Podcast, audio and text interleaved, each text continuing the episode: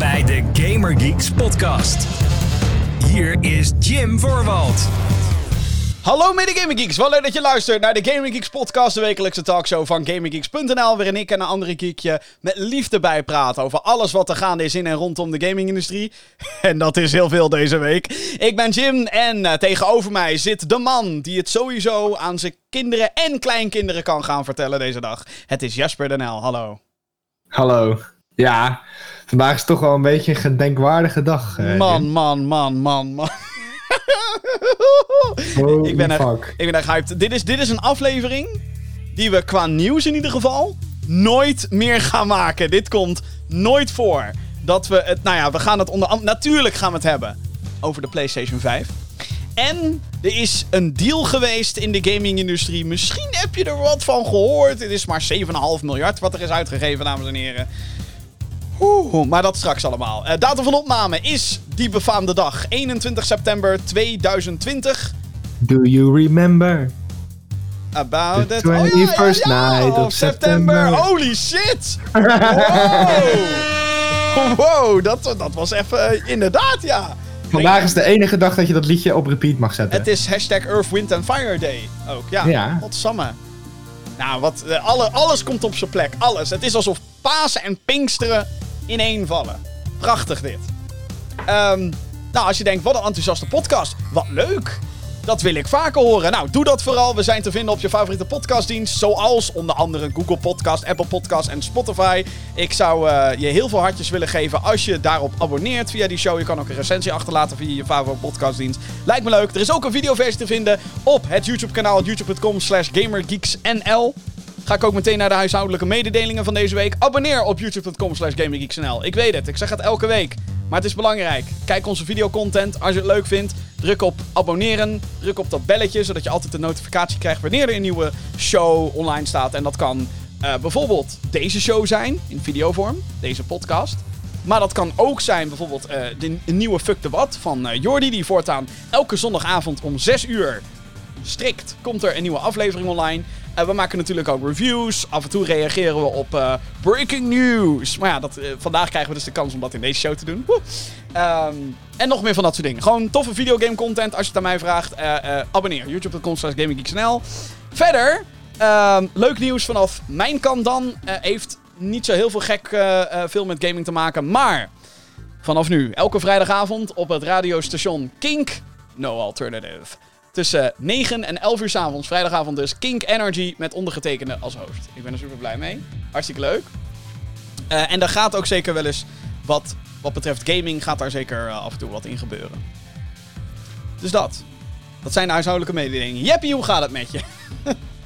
Ja, het gaat goed. Ja? We zijn, eh, we, we zijn de, de spannendste nou, maanden van het jaar zijn aangebroken. Hè? Ja, het najaar begint. eh, Het najaar begint zo een beetje nu eh, erin te komen.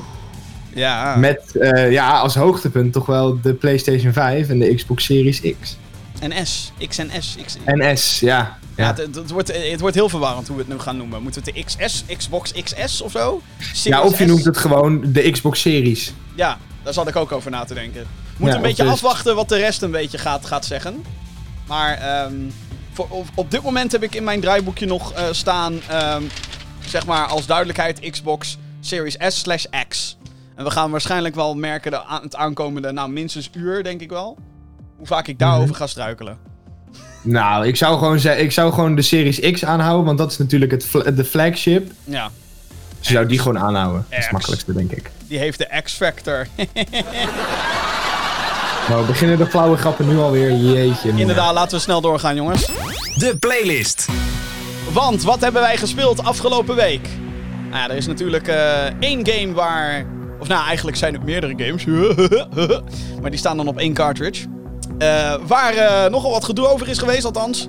Ik heb er nogal wat gedoe over gemaakt. Er is heel veel over mij geluld. Over dat ik een negatieve idioot ben. Dat ik eh, iemand ben die hem flipt op camera. En dat gebeurt wel eens. Gebeurt ook wel eens in de podcast natuurlijk.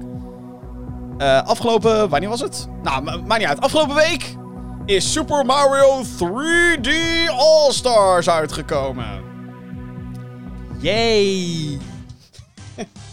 Eh, mocht je niet weten... Ja, afgelopen vrijdag was het. Ja, ja, dat was nog wel een dingetje. Ehm, afgelopen vrijdag. En ja, Super Mario 3D All-Stars is een compilatie, ze kunnen het wel noemen, van Super Mario 64, Super Mario Sunshine en Super Mario Galaxy. Als je denkt, hé, hey, waar is Galaxy 2? Nergens. Vermist. Die is er niet. En die gaat er ook niet komen ook. Ehm, ja, ik heb uh, uh, hele fijne herinneringen aan alle drie de games toch wel. Super Mario 64 heb ik wel het minste gespeeld. Maar waar heb ik mij het afgelopen weekend alleen maar aan, aan blootgesteld? Aan Super Mario 64. En um, nou ja, ik weet dat de mensen in de, in de Gamer Geeks WhatsApp groep, die hebben zich helemaal kapot gelachen, geloof ik. Want ik heb me toch op partijen zitten ragen om die game, jongen. Dat het was echt geweldig. Het, het was, was, echt geweldig. Het was geweldig, zeggen ze dan. Godsamme. Ja, nee. Um... Vooral ook omdat, kijk, dus een klein beetje context. We zijn met uh, uh, de Gamer Geeks. er, zijn drie, er zijn vier mensen die de collectie hebben gekocht. Ja, erg eigenlijk, hè? Dus Jim heeft hem gekocht. Jeroen, Johan en ik. Ja. En nu hadden we het idee om, oké, we gaan allemaal één game spelen en dan maken we met z'n allen één video ervan.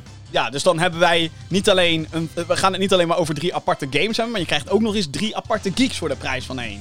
Exact, dus daar zijn we mee bezig, dus die video komt er zeker aan. Uh, dus we hadden bepaald dat uh, Jim met 64 aan de slag zou de gaan. Boomer, de boomer mag met. Uh, oh, wacht, Johan is ja. even uit. Nou, maakt niet uit. Ja, dat klopt. Maar nou ja, jij bood je in ieder geval aan om met 64 aan de slag te gaan. Dat heb ik gedaan. Johan die wilde graag Super Mario Galaxy doen, want dat is de enige die hij nog niet gespeeld heeft. Oh. Um, en ik ging met Super Mario Sunshine aan de slag, want dat is de enige die ik nog nooit gespeeld oh, heb. Oh, oké. Okay. Ja, oh, dat is wel goed eigenlijk, ja. Ja. ja. Nou ja, en dan bleef er één over en dat was 64, die was voor jou. Ja, nou, ik heb, dus, ook, ik heb uh, ook het minste ervaring. Het was heel leuk. Het was heel leuk om te zien dat we... Uh, dat jij zo aan het rage was... op een game die je verplicht moest spelen van ons. ja, nee, dat was wel een beetje... Kijk, het, het ding is met die Super Mario 3D All-Stars Collection... dit heb ik ook in al mijn beklachten heb ik dit gezegd... over de games aan zich valt niet heel veel te klagen. En ik ga nu niet weer helemaal ragen over dat het emulators zijn die op die cartridge staan. Dat het eigenlijk gewoon... Het zijn niet eens ports. Het is gewoon een emulator die draait, die de boel upskillt. En het enige wat ze daadwerkelijk veranderd hebben in die games... is voor Galaxy hebben ze de controls een beetje aangepast. Hè? Want je moet zonder motion controls kunnen spelen. Mm -hmm. um, en uh, ze hebben natuurlijk de, de heads-up display. Hè? Sommige tekstjes uh, hebben ze veranderd van... In plaats van druk op start staat er nu druk op plus. Nou, joepie. Weet je wel, maar voor de rest zijn de games compleet intact gebleven. En in tegenstelling tot wat heel veel mensen denken, kan ik daar best tevreden mee zijn. Waar het niet dat ik daarom niet snap waarom Galaxy 2 er niet op zit. Maar als je dan een game eruit gaat laten, doe er dan wat aan, weet je wel? En dat hebben ze niet gedaan. Dus de manier hoe Super Mario 64 speelt, is nog ex bijna exact. Behalve dat je dan nu op een Switch controller zit in plaats van een Nintendo 64 controller natuurlijk. En de boer is hè, naar, opgeschaald naar 27p.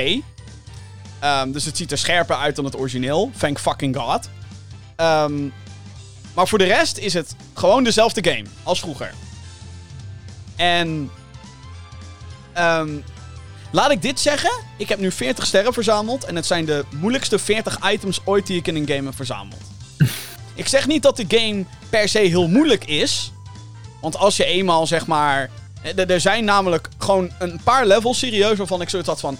Oh ja, wat creatief is deze game eigenlijk. Met zijn gekke objectives. En oh, er zit een ster daar. En sommige dingen zijn, zijn net iets anders dan je verwacht. En dat vind ik dus super gaaf van deze game. Ja. Waar het niet dat deze game uit 1997 komt. Europese release date. Dit was het begin van 3D gaming eigenlijk. En, of dan 3D gaming op console, dat het een beetje mainstream werd. Op PC had je natuurlijk wel wat 3D games, maar zwa. Uh, eerste 3D Mario in ieder geval. En je kan zo hard merken dat ze nog geen flauw fucking idee hadden. Hoe ze shit moesten aanpakken. Mario is, speelt, bestuurt zo houterig. Het is zo stijf allemaal. De camera is fucking kut. En iedereen die dat gaat ontkennen, heeft echt zijn nostalgiebril op. Want echt serieus, deze game schreeuwt om een remake. Deze game schreeuwt het hardste om, alsjeblieft, maak mijn graphics modern. En maak mijn controls zoals die van Galaxy. of Odyssey of whatever. Moderne Mario games. Maak mij alsjeblieft zoals dat. Dat is wat deze game nu naar mij schreeuwt op dit moment. En ik schreeuw het ook, want het is zo fucking frustrerend, sommige levels. Het is zo. Het is hardcore, man.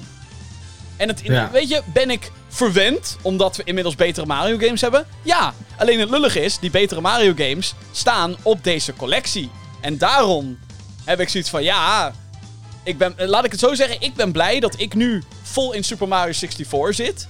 Zodat straks, als ik Sunshine en Galaxy ga spelen op de, hè, deze collectie, dat ik dan betere games krijg. En dat is Ja. jammer, want de, wat ik al zeg, de levels zijn tof in deze game, in theorie. Eh, de ideeën zijn tof. Een beetje eigenlijk wat. Het, het is gewoon een, nog steeds een solide game. Maar de controls en camera zijn, sorry dat ik het zeg, gewoon kut. Het is gewoon kut. Het is niet goed meer. Oké? We zijn nu in 2020, we zijn fucking 23 jaar verder. Dit is niet goed meer. Nee, wat je zegt, kijk, eh, kijk, ik ben natuurlijk nu Sunshine aan het spelen, volop. En eh, ik vind die game tot nu toe best wel tof. Ehm, ik ben nog niet heel ver. Ik denk dat ik nu 15 sterren heb of zo. Dus ik ben nog niet zo ver als jij. Ehm, maar ik ben ook even geswitcht naar 64. Om gewoon eens even te kijken hoe het speelde. En het is zo'n wereld van verschil. Het is zo aanpassen. Ja. Eh, want ik, ik kan wel een klein beetje. Kan ik mijn vinger erop leggen waarom het zo is. Vooral in de controls van Mario zit het. Want Mario kan zich niet eh, op zijn plek omdraaien. Ja! Oh ja! Oh, ik heb, Dat zo is hard, het. Hij moet een rondje lopen. ik heb zo hard zitten schelden om die shit, jongen. Oh my god. En dat, vooral dat, is het echt het grote probleem. Hij kan niet 180 graden draaien op zijn plek. Nee. Waar, ze, waar die dat in Mario Galaxy en in Mario 64 wel kan. Echt en niet. juist in een Ik platformer. weet niet waar jij het over hebt, maar in 64 kan hij dat niet hoor. Dus Dat zei ik dan? Dat bedoelde ik. Dat hij dat niet kan, juist. Oh nee, ik dacht dat. Oh ja, nee. ah, ah, Nee, hij kan, hij kan zich niet 180 graden ja, draaien nee op jij zei in. Galaxy N64 kan hij dat wel, dat zei je. Ja, daar kan hij dat wel, toch? Nee, in 64 kan hij dat niet. Ben je gek? Nee, dat bedoel ik. Hij kan het in Galaxy en de Sunshine wel. Oh! oh En in sorry. 64 kan hij het Sorry, niet. ik begreep je Zo gewoon volledig verkeerd. Sorry, mijn fout, mijn fout, mijn fout. Voor maar, podcast, eh, hè, voor- mensen? op een platformer, in een platformer is juist die besturing essentieel. Ja. Want anders wordt het frustrerend.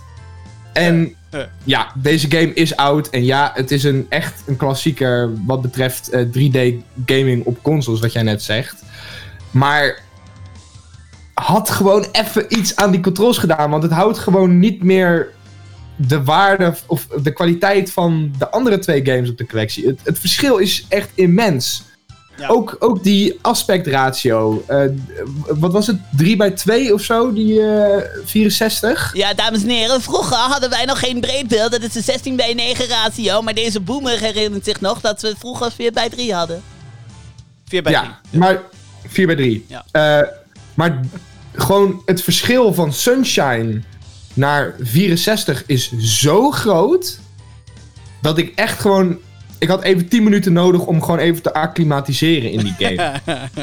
gewoon oprecht. Het, wa- want Sunshine heeft dus een, een, echt een upscale gekregen. Die, die is eh, eh, eh, naar 16 bij 9 getrokken. Dus naar, B, naar breedbeeld. Waarom het bij die wel kan en bij 64 niet. I don't fucking know. Nou, ik weet het wel. Fucking luiheid. Ja, nou ja.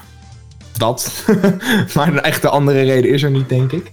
Ehm, maar Sunshine, ondanks dat hij op 30 frames per seconde draait, wat best wel jammer is, Fucking jammer. is het echt, is het echt wel een goede poort tussen haakjes. Want dit draait gewoon natuurlijk op een emulator. emulator. Ehm, nee, ik kan eigenlijk over, over Sunshine niet al te veel klagen. Kijk, de, de quirks die in het origineel zaten. Ik heb het origineel niet gespeeld, maar wat, wat ik gelezen heb. Ehm, die zitten er nog steeds in. Dus de camera blijft af en toe achter een gebouw hangen. En dan moet ik met Mario ergens anders naartoe lopen, zodat die camera vrijkomt. Fucking irritant. Is me tot nu toe wel maar twee of drie keer gebeurd. Oh, niet er super vaak. jeugdtrauma's naar boven, een jongen van Sunshine. Oh my god. Eh, ik, ik vind af en toe, ik ben nu in een level bezig. eh, waar je op een gegeven moment helemaal naar boven ergens moet klimmen of zo. Ehm, en à la Mario. eh, in 64 heb je dat geloof ik ook niet. Er zijn nergens checkpoints. Nergens. Nee, nee, de, de structuur van, deze, van die 3D-games is, voor de, voor de meeste althans, is inderdaad dat je eh, gewoon een level indropt. Daar ga je dan Mhm. voor één bepaalde ster, of een objective, of hoe je dat dan ook wil noemen. En Mhm. die ga je pakken. Ehm, en als je dan inderdaad tussentijds doodgaat, dan is het, eh, ja, begin maar overnieuw, Mattie. Ja, Ehm, ja. Enige En- uitzondering daarop is de 100 muntjes ster in 64. Ik weet niet hoeveel muntjes je ook alweer moest krijgen in Sunshine. Of dat überhaupt een ding is in Sunshine, dat weet ik oprecht gewoon niet meer. Hm. Maar eh, in 64 is het wel zo dat als je 100 muntjes verzamelt, dan krijg je dus een ster. En als je dan zegt, eh, en als je die pakt, kan je daarna nog wel een andere pakken. Ja, Zeg maar. ja, ja, oké.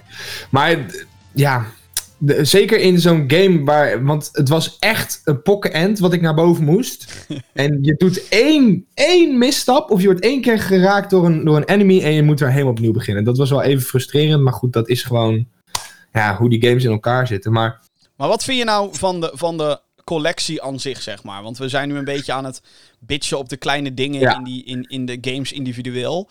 ja, ja. Ehm, Nou ja, om nog ook even op, op Galaxy te komen dan, heel kort. Galaxy is oprecht heel goed gedaan. Die controls, ik denk niet dat ze dat anders of beter hadden kunnen doen. Zeker omdat het van de Wii komt en je natuurlijk die motion controls op, eh, op de Wii had. ja. Eh, dat werkte echt fantastisch. Kijk, in handheld moet je touchscreen gebruiken om de motion controls ehm, te gebruiken. Dat is wel jammer, want je moet dan je hand van je controller afhalen. En in sommige levels werkt dat wel, in sommige niet. Dus dat is af en toe wel jammer. Maar als je met de Joy-Cons los speelt in eh dock mode, dan top. Werkt echt prima. Ehm, de collectie aan zich. ehm, dit had geen 60 euro hoeven kosten, denk ik. Moeten kosten. Maar al met al ben ik wel blij dat ik hem gehaald heb. Want eh, Sunshine en Galaxy zijn echt, naar mijn mening, dik de moeite waard. Zeker als je ze nog nooit gespeeld hebt. 64, wat je zegt, had een remake moeten zijn. Ehm, en zeker voor mijn generatie een beetje is die game echt een beetje de old one out eh, van de drie. Eh, de imposter van Us. Ehm, maar al met al eh, vind ik het geen slechte collectie. Maar het, het had heel veel beter gekund. Oké. Dat is een beetje mijn strekking. Ja, ik heb mijn punt al gemaakt, denk ik. Ik, eh, Ja. ik snap... Maar ik zie, het, ik zie het op zich positief in. Kijk, ik ben een beetje biased, want Super Mario Galaxy is echt een van mijn favoriete games ooit. Ja, maar dat is het ding. Het is ook voor mij een van mijn favoriete games ooit. En gewoon, eh, daar, alleen daar al had ik al 60 euro voor betaald. En ehm, dat ik dan Sunshine, dat ik daar ook zoveel plezier uit kan halen, dat is een mooie bonus. 64 is dan wat minder. Eh, maar ik ben, uiteindelijk ben ik blij dat ik hem gekocht heb. Ik heb niet zoiets van, oh fuck die shit, ik ga hem weer op Marktplaats zetten. Nee, ik ga hem wel, hij blijft in mijn collectie. Ja, oké. Ja, nee. Nou ja, goed. Wat, ik, ik zei het aan het begin al. Ik vind dat als je een collectie gaat uitbrengen met... eh, en je noemt dat 3D All-Stars. Hè, dan vind ik dat... En, en je doet er bijna geen fuck aan, zeg maar. Dus in dit geval Ja. zijn het letterlijk emulators die draaien op je Switch. En dat gaan ze zeker nog een paar keer gebruiken. Ik zei vlak voor de show zei ik al tegen je van... Nou, die Metroid Prime Trilogy... Ik weet niet waar de fuck ze op wachten... Maar ze hebben nu gewoon een Gamecube slash Wii emulator... En een N64 emulator. Nou heeft Metroid Ja. Prime niks met de Nintendo 64 te maken, maar uh, zwaar. Ehm, er is nou gewoon geen fucking excuus meer. Maar, en, en- maar wat ik dus zeg, dat je niks aan die games doet en zo, en dat je ze in hun pure originele, bijna pure originele vorm laat. Whatever. Maar douw dan gewoon al die games erin. Want er is letterlijk 0,0 redenen waarom Galaxy 2 er niet in zit. En dat is niet Nintendo fanboys. Dat is niet dat ik ondankbaar ben. Ik moet niet blij zijn met wat ze mij geven. Vooral dat geven. Nee, we betalen ervoor. Fucking 60 Ja. euro. Ehm, gewoon, waarom zit Galaxy 2 er niet in? En ik weet zeker dat het maakt niet uit welke fucking PR-persoon van Nintendo tegenover mij staat. Al is het fucking Miyamoto zelf. Ik zou zelfs tegen hem zeggen... Waar de fuck is... Oké, zonder fuck. Waar is Galaxy 2 in deze collectie? Ja. Gewoon waarom? En ik weet zeker dat no matter wat voor antwoord hij mij geeft, behalve als hij gewoon straight is en zegt, ja, we waren lui, we don't give a fuck. Ja, of Maar- misschien komt hij nog als aparte release, hè? Dat zou kunnen, maar dan moeten ze er wel wat aan gaan doen. Want er is no way dat ze nu alleen Galaxy 2 kunnen gaan releasen. Zonder grote aanpassingen of toevoegingen. En dan 60 euro. Want dan heb je helemaal. Wacht even. Wa- wa- wa- Wait, wait, wait, wait. Je gaat deel 1 ga je met Sunshine en 64 releasen. 60 euro. En dan Galaxy 2 apart 60 euro. Wat? Nou Ja, dat kunnen ze niet doen. Dan moet hij voor, voor 20 of voor 30 euro gaan. Dat hebben ze overigens al in het verleden trouwens gedaan. Hè? Galaxy 2 was eh, op de Wii U Virtual Console voor 20. Mhm. Dus het is niet alsof. Ster dus een HD-versie bestaat eigenlijk al. Fuck you, Nintendo. Er is echt geen reden om het niet te doen. Nee. Oh my god. En zeker nu ze zien, want die, die collectie is fucking hard gegaan. Ja, hij nee, maar kijk, weet je, ik, ik snap het ook. Ik, ik snap het. Want het is. Het is. ehm, Het is één bak nostalgie. het is nostalgie. Het zijn Mario games. En zeker dan inderdaad voor de, voor de jongere generatie. voelt dit dan als nieuwe Mario games. Want, die, want voorheen was Sunshine alleen nog maar officieel gestrand op de Gamecube. En Ja. op de Wii, Ja. want de Wii kon gewoon alle Gamecube discs afspelen. Dus in, in principe was je daar ook niet echt gelimiteerd of zo. Ehm, maar weet je, dus ik snap het. Ik, ik snap het.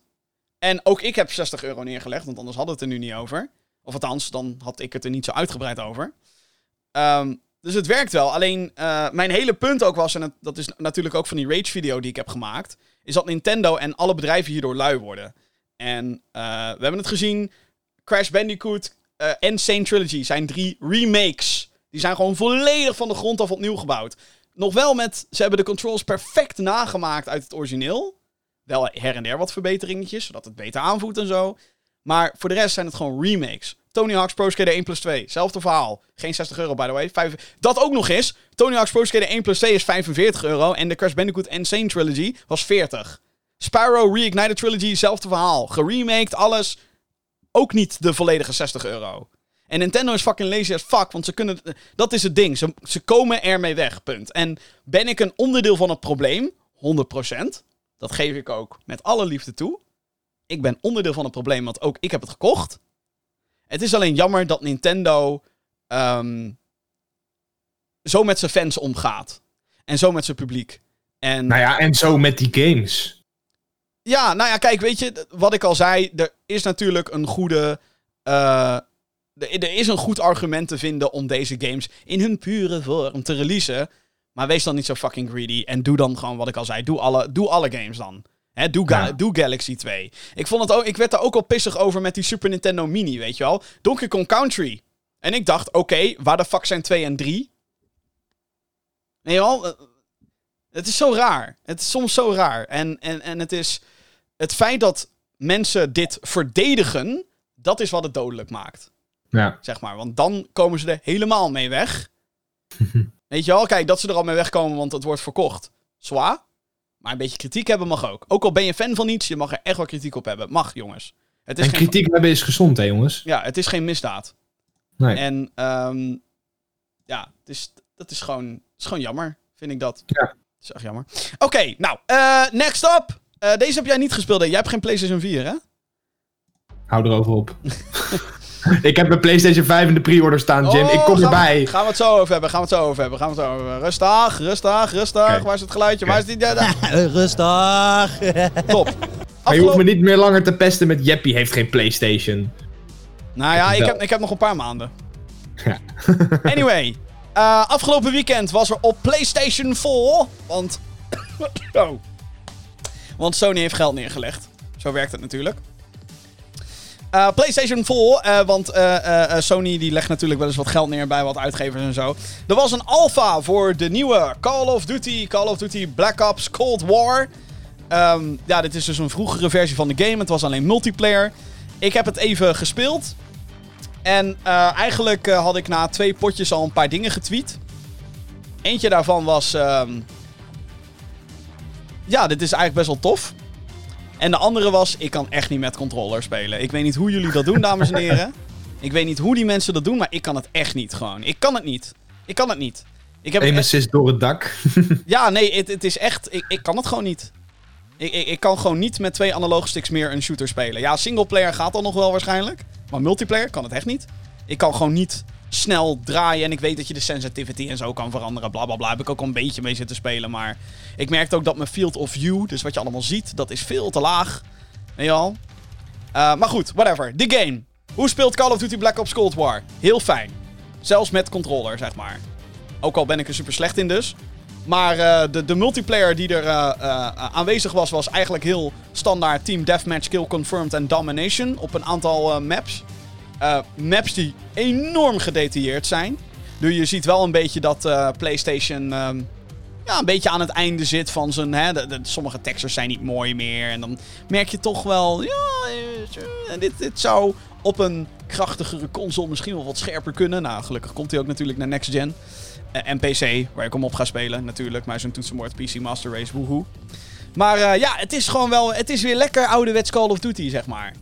Eh, Ja, voel je zeg maar nu dezelfde hype als die je voor Modern Warfare had vorig jaar? Ja, ja, wel een beetje. Ja, Modern Warfare was dan voor mij echt weer van... Holy shit, ik vind Call of Duty weer gaaf.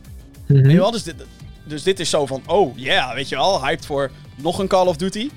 Ehm, wat ik fijn vind van deze Call of Duty ten opzichte van Modern Warfare dan ook nog is... Is dat de time to kill is langer. Dus je doet er langer over om nu iemand neer te halen. En dat vind ik heel fijn, want ik had in Modern Warfare had ik wel heel... eh, heb ik nog steeds heel vaak het idee... Zelfs in Warzone, de Battle Royale stand... ehm, zelfs daar heb ik nog wel eens het idee van... Hij zag mij eerder, dus ik ben dood.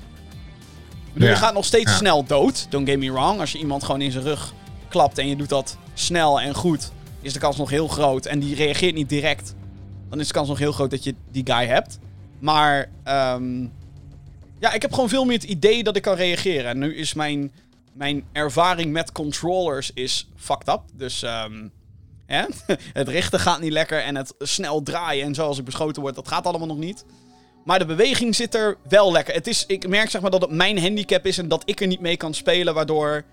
eh, ik ben ook slecht in deze games trouwens, dat ook. Maar ook dat, ik merk dat ik daardoor nog gehandicapter ben. Ja, je voelt, niet, je voelt niet dat het aan de game ligt, zeg maar. Ja, ja ik, voel, ik voel me niet. eh, eh, ik voel me niet onder controle. Maar dat komt niet door de game, dat komt inderdaad door mijn disability met controllers.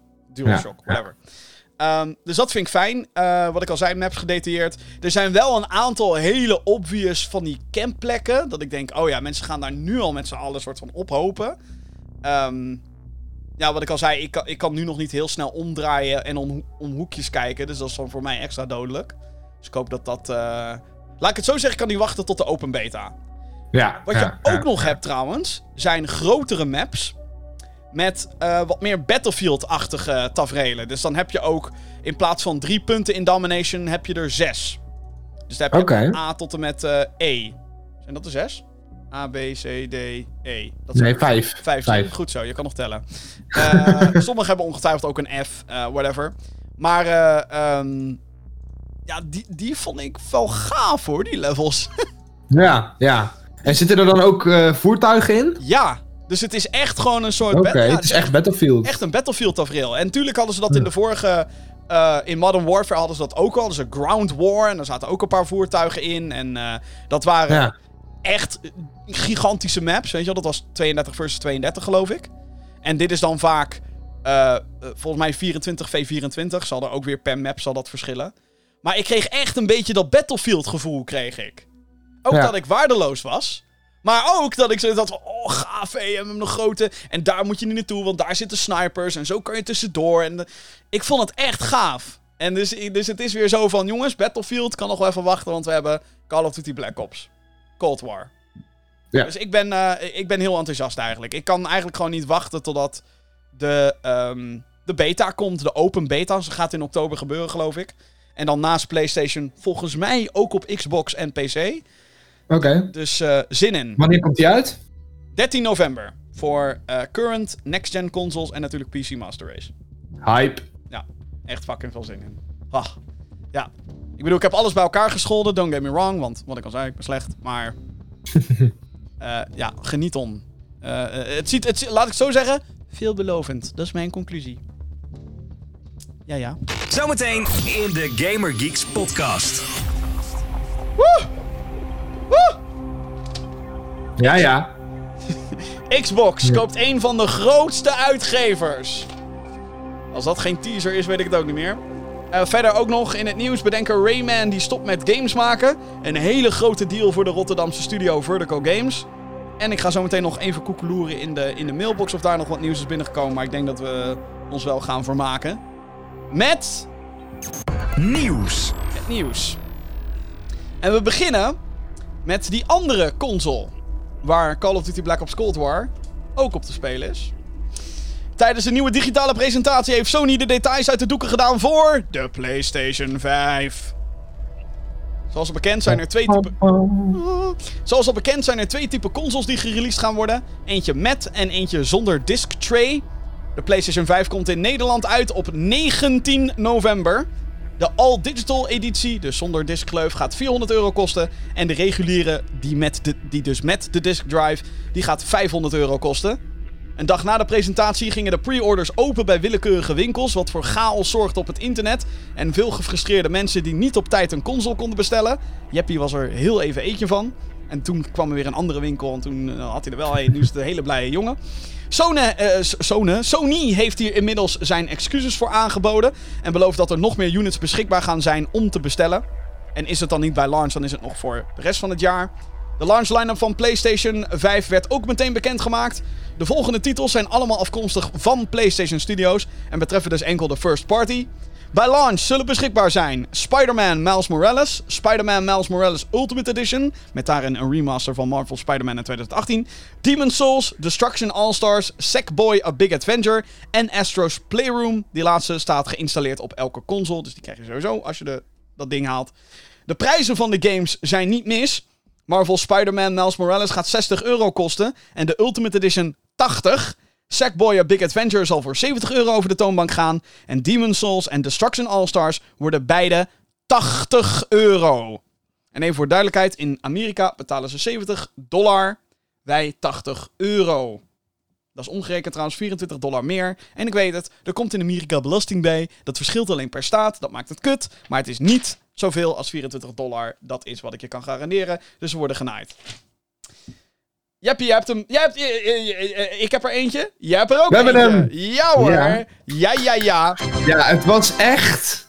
Het was echt een drama. Het was de hel. Het was echt een drama. Het was echt niet normaal.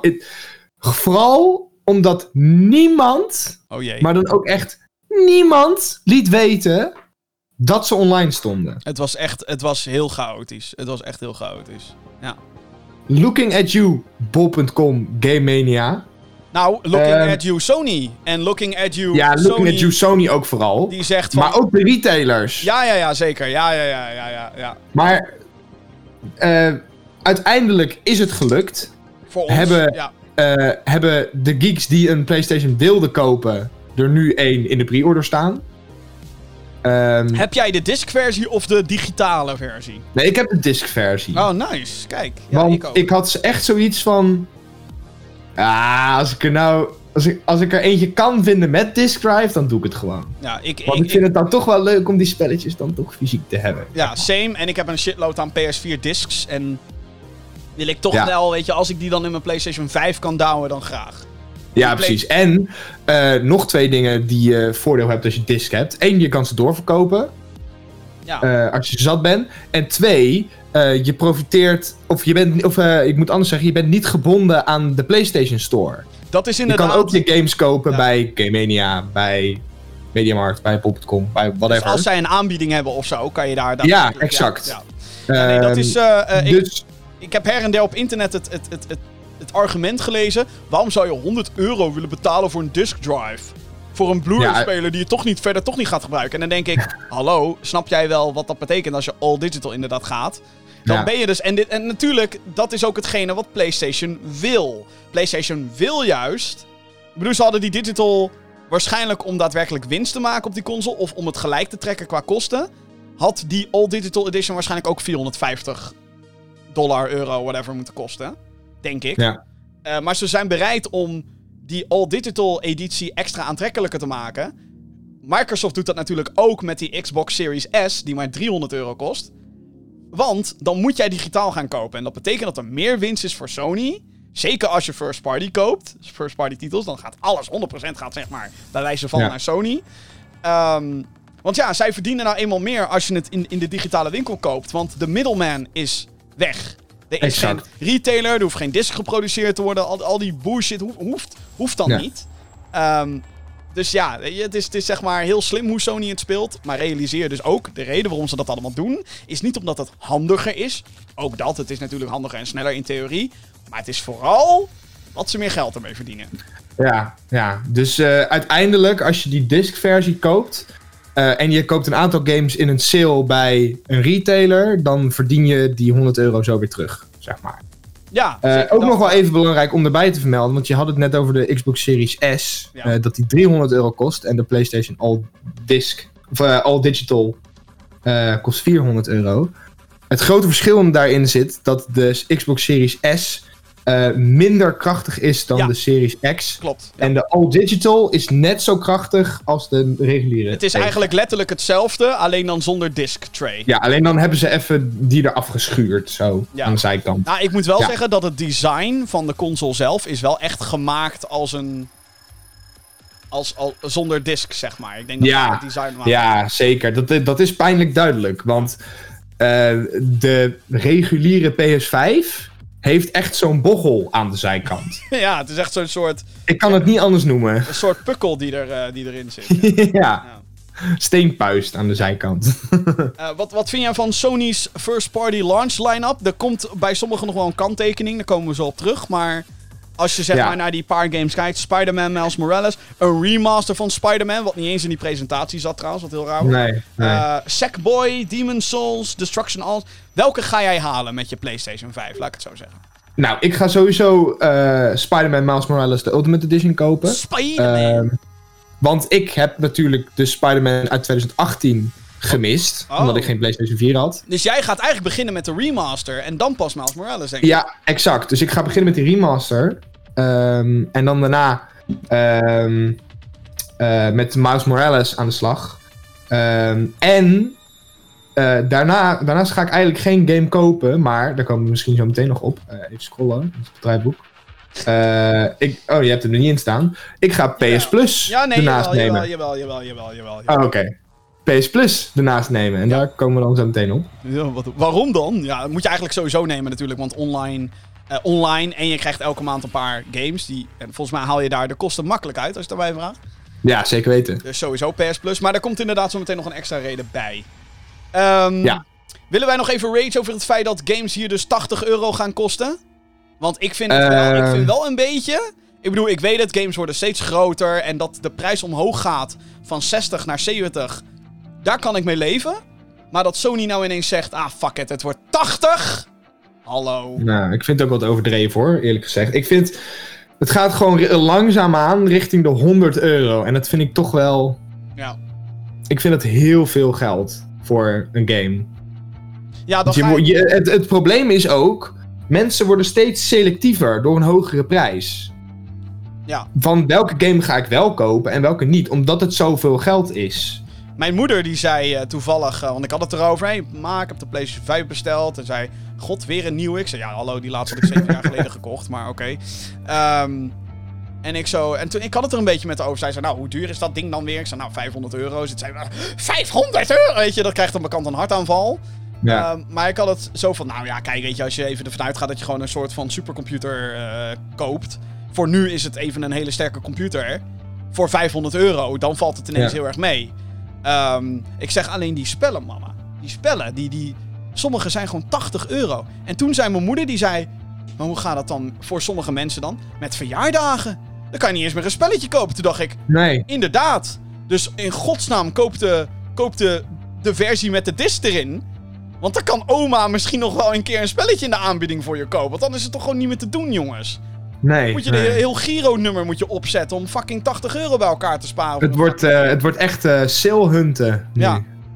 Ja, het is Zo van, beetje- waar kan ik nu een spel voor 60 euro kopen straks? En tuurlijk, sommige games ga, ga je natuurlijk gewoon ongeacht de prijs. Ik weet zeker dat als eh, CD Projekt Red nu zou zeggen... Yo, Cyberpunk wordt duurder, zou niemand er problemen mee hebben.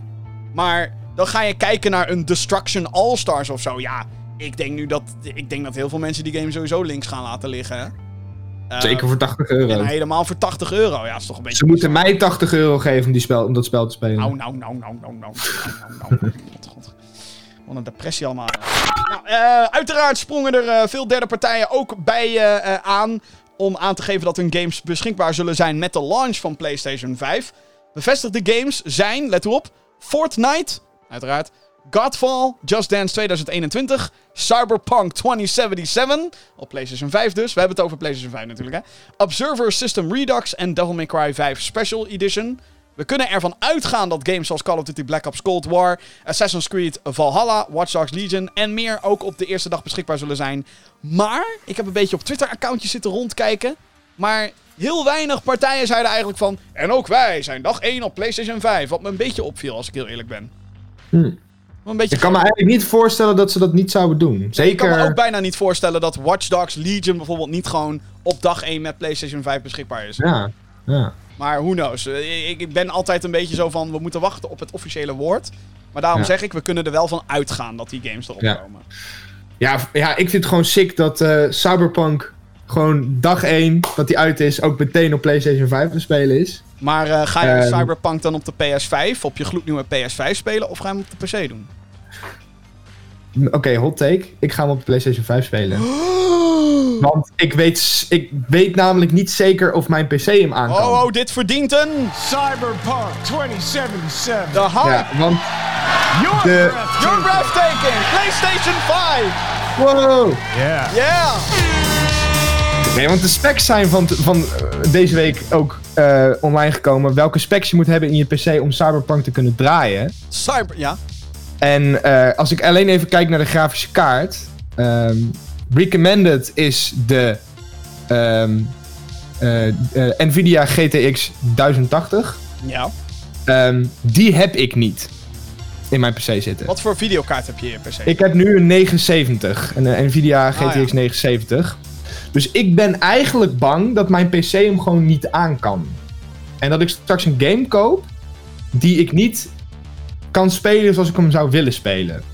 Hmm. Ehm, dus wat ik nu ga doen is ik ga het safe spelen en ik ga hem voor de PlayStation 5 kopen. Oké, oké. Zodat ik zeker weet dat ik met raytracing Cyberpunk kan gaan spelen. Overigens weten we niet of raytracing in de consoleversie zit. Daar mag ik wel van uitgaan. Kom op, Nou, ik, jongens. Ik, ik weet het dus niet. Ik wacht nou al bijna een jaar langer op, of een half jaar langer op dat ding, Hmm, het spel. hmm. Ja, ik heb er een hard hoofd in. Maar waarom, daar komen we denk ik zo meteen nog op terug. Eh, maar eerst gaan we naar iets anders. PlayStation bevestigt eh, namelijk eh, nog meer games. Maar dan voor een ander platform. Wat? Ja. Wat? Mocht je nu nog een PlayStation 4 hebben en voorlopig niet van plan zijn om over te stappen naar de 5, dan hoef je je niet hele grote zorgen te maken voorlopig. PlayStation heeft namelijk bevestigd dat drie grote PlayStation 5 titels hun weg gaan vinden naar de vorige generatie. De games in kwestie zijn Marvel's Spider-Man Miles Morales, Sackboy A Big Adventure en Horizon 2 Forbidden West. Sony blijft zeggen dat de games in eerste instantie ontworpen zijn voor de next-gen console. Maar dat ze dus ook gewoon een weg hebben kunnen vinden naar minder sterke hardware.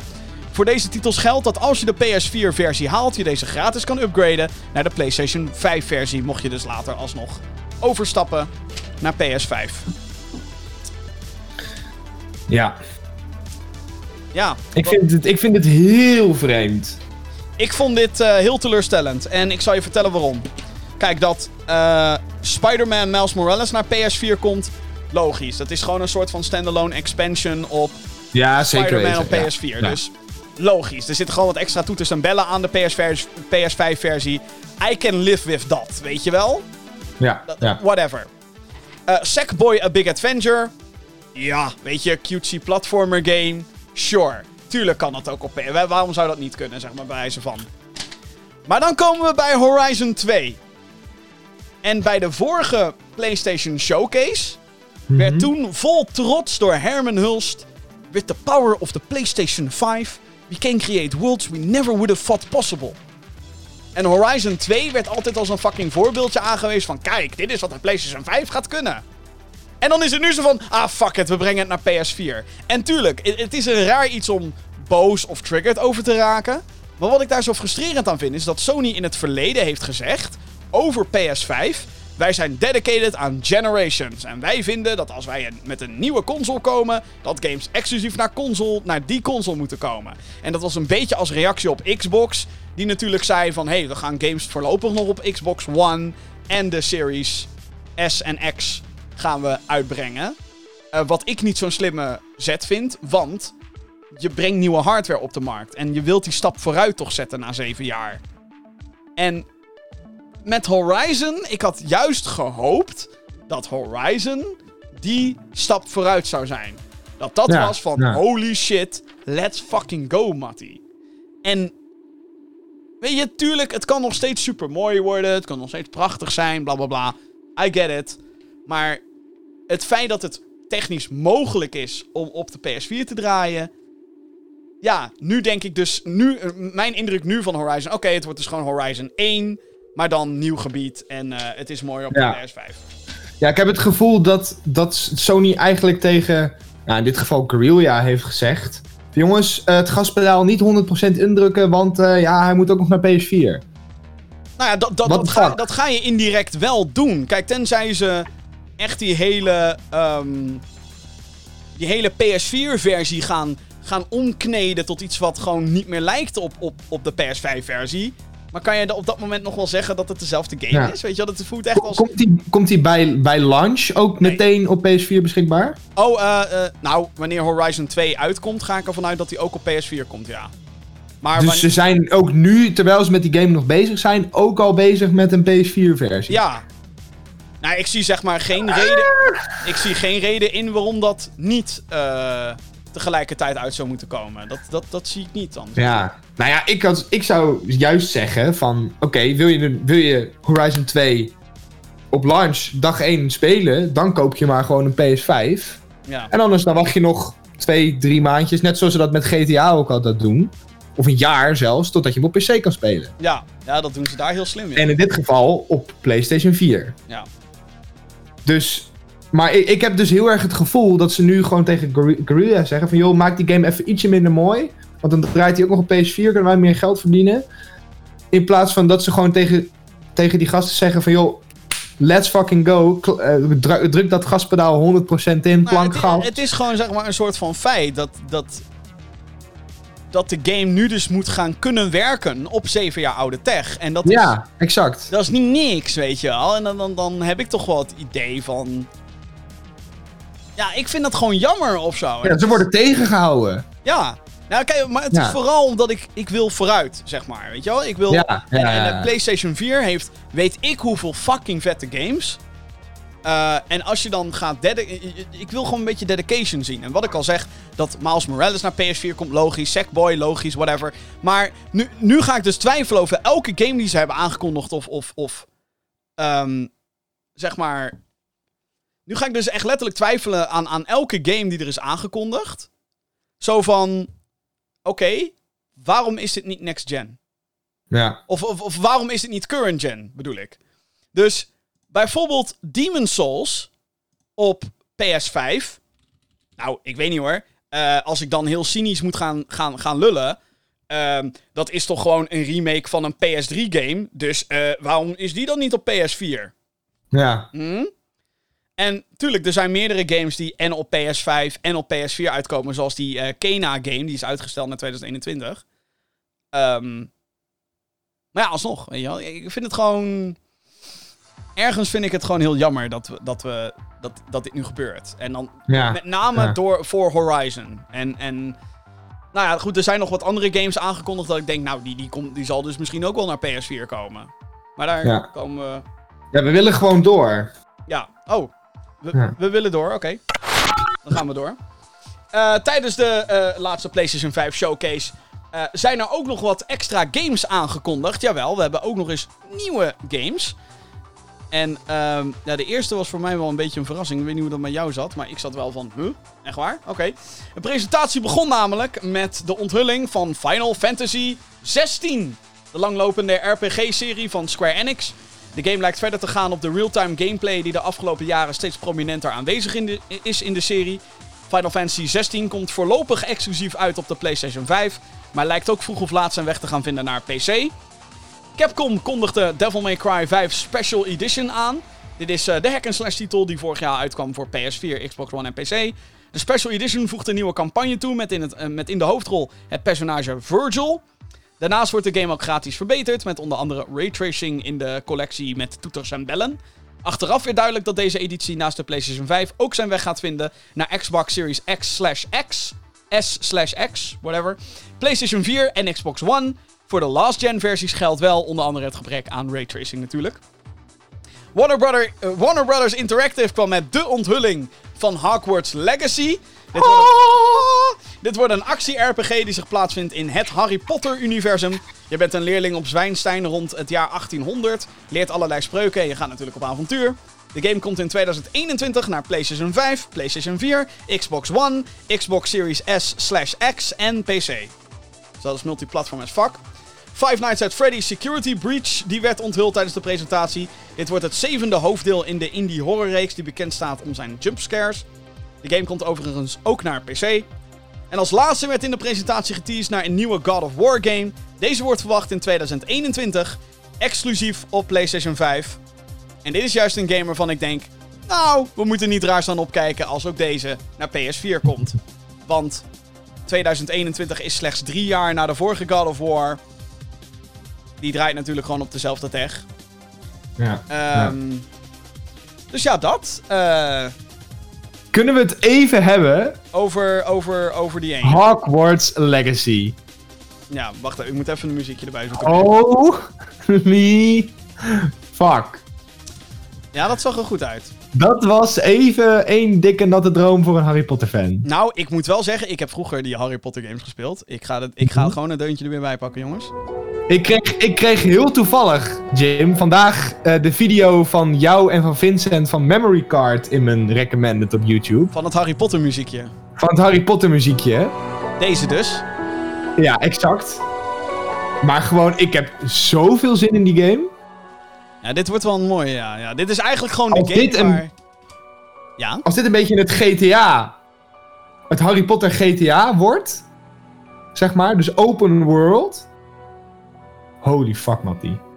Holy fuck, Matty. Ja, dit is wel een beetje de game... Ik bedoel, het is, het is eigenlijk gewoon van de zotte natuurlijk. Dat het... Dat het zo lang heeft geduurd. Ja, dat we gewoon een Harry Potter game kregen, waarbij we weer... Want vroeger kregen we dat ook toen de films nog een ding waren. Maar dat het zo lang heeft geduurd voordat we een, een current of next gen, I don't give a fuck... Maar gewoon een big budget Harry Potter game kregen. Niet die mobile shit. Maar gewoon dat we door Zwijnstein heen konden lopen. Ik bedoel, hoe Ja. fucking vet is dit, jongens? Ja, maar echt, maar ook gewoon. Want kijk, de, de, eh, de originele games die kwamen uit op de PlayStation 2, 3, Eén, Wat? zelfs nog. Eén. 1 zelfs. Ja, ja. eh, Ik bedoel, shit. kijk, toen was, was het natuurlijk vet voor die tijd. Maar als je nu die, die games ziet, dan denk je: what the fuck, hoe, hoe- waarom ziet het zo slecht uit? Maar besef je dat je straks misschien wel met raytracing door Hogwarts heen kan lopen? PC sowieso, ja. Ja, nee, man, ik heb... Holy fuck, Matty. En het is trouwens ook eh, voor iemand die eh, de films gewoon wel echt heeft gezien, zeg maar. Vind ik het Mhm. ook heel slim dat dit zich in 1800 of zo plaatsvindt. Ver Ja, voor... voor. Ver voor de Harry Ja. Potter shit. Ver voor de Fantastic Beasts rotzooi die ze er nu van aan het maken zijn. Ja. Ehm, J.K. Rowling met al haar fucking gekke tweets. Zij is hier niet bij betrokken gewoon. Fuck off, J.K. Mooi, mooie, mooi universum wat je hebt gebouwd. Maar alsjeblieft, hou nu op. Want die Crimes of Grindelwald... Ik weet niet, de eerste keer dat ik die film zag, vond ik het goed. Ik weet niet wat er met me bezielde eigenlijk, als ik heel eerlijk ben. Ik, eh, ik heb de eerste film. Fantastic Beast eh, in de bioscoop gezien. Die en vond- daarna nooit meer. Die vond ik eigenlijk nog wel goed, de eerste. De eerste is Ah, wel leuk. Maar, Maar die tweede... ik ben volgens mij ergens, eh, ergens een kwartiertje in slaap gevallen. Oh, ja, dat is niet goed. Nee, echt, maar, die, maar die tweede sloeg er helemaal neer. Maar goed, whatever. Fucking hype hier. Fucking hype. Ja, want de originele acht films van Harry Potter Ja, ja. zijn eigenlijk allemaal solide.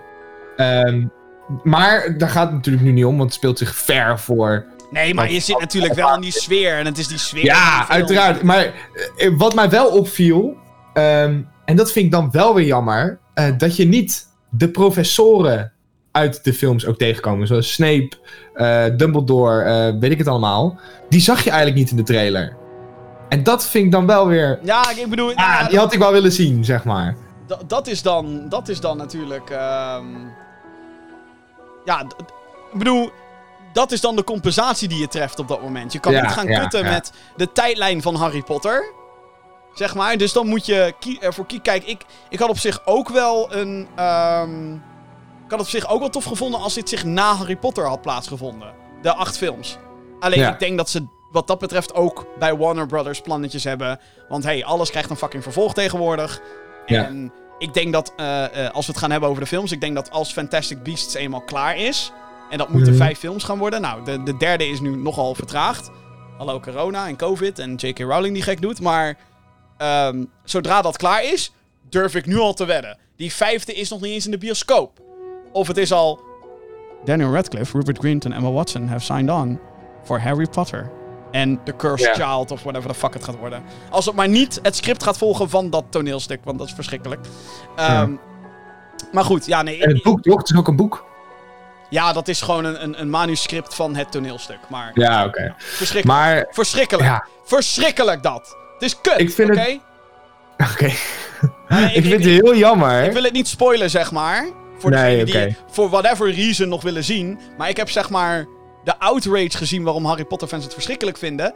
En ze hebben meer dan gelijk. Als je het verhaal van The Last of Us slecht vond, vond je Rise of Skywalker een beetje bullshit. Get a load of this shit. Dit is pas bullshit. Maar goed, whatever. I digress. Ehm, wat ik wilde zeggen is... eh, eigenlijk, in die trailer, ik had een beetje het gevoel... Het enige, Oh jee, dat gaat wat een het enige waardoor je weet dat het Harry Potter is... en niet elke andere random tovenaar shit verhaal... is dat je het op Hogwarts bent. Maar de rest... Er zit geen herkenning in... Ja, de, de huizen natuurlijk en, en het... eh, het eh, De huizen, de kostuums, de, muziek. De, waar, de fuck De muziek. het over, gast? Ja, maar ik wil de characters ook zien. Ja, maar ik... Kijk, dat is, dat is dus juist een beetje... En- Dat is eigenlijk het enige waarvan ik zo heb van... Ah! weet je, Weet je, ik hoef niet Harry Potter te zien. Maar ik wil die docenten wil ik zien. Ja, maar wat ik al zei, ik bedoel, het is of het een of het ander, zeg maar. Of ze gaan kutten in een tijdlijn waarin je misschien niet wil dat ze gaan kutten. Zeg maar, en waarin Mhm. Warner Brothers nogmaals waarschijnlijk niet wil dat ze daarin gaan kutten. Waarschijnlijk. Of je eh, doet het inderdaad, en daarom zeg ik dus, ik vind het heel slim dat ze het in 1800 zoveel doen. Want dan kan je in het universum zitten, wat nog niet is aangetast, zeg maar, Ja. door, eh, door hij die niet genoemd mag worden, et cetera, et cetera, et cetera. Dat is Ja. eh, allemaal hiervoor.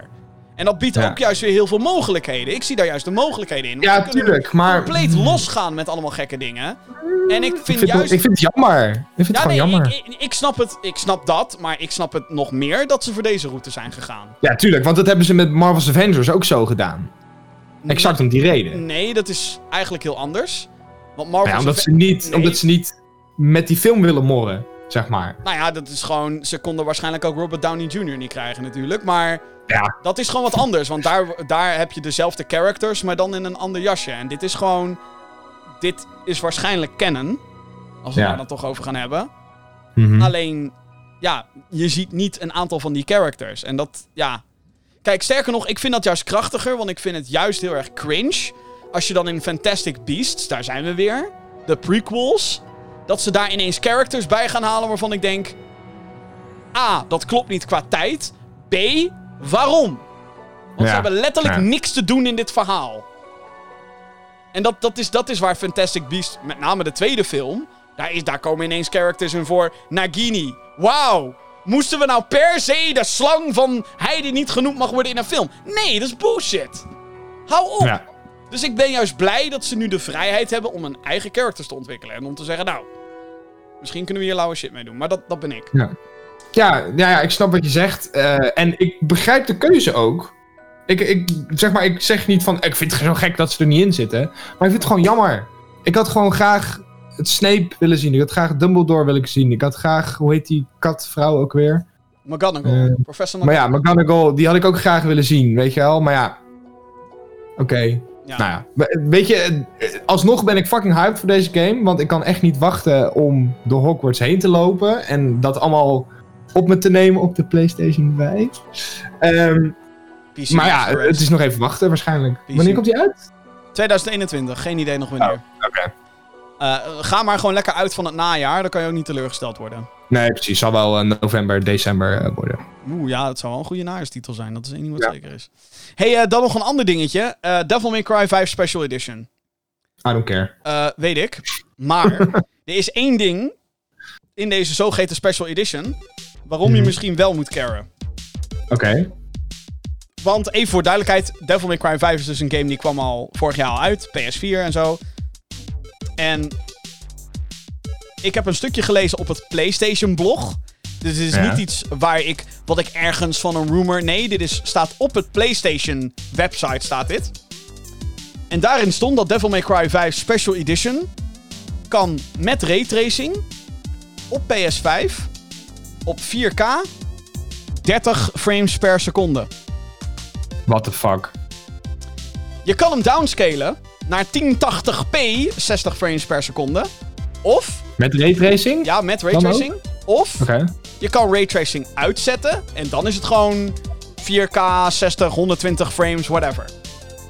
De reden waarom dit mij zorgen baart, is omdat de performance van de next-gen consoles dus misschien helemaal niet zo hoog is als dat wij allemaal hopen en denken. Dat 4K Ja. raytracing 60 fps, ik weet het niet hoor, als ik dit zo lees. En waarom? Omdat Devil May Cry 5, nogmaals, een last-gen game is, die nu een beetje wordt opgepoetst voor next-gen, raytracing erbovenop geplakt. En dat kan die dus niet handelen op 60 frames per seconde in 4K.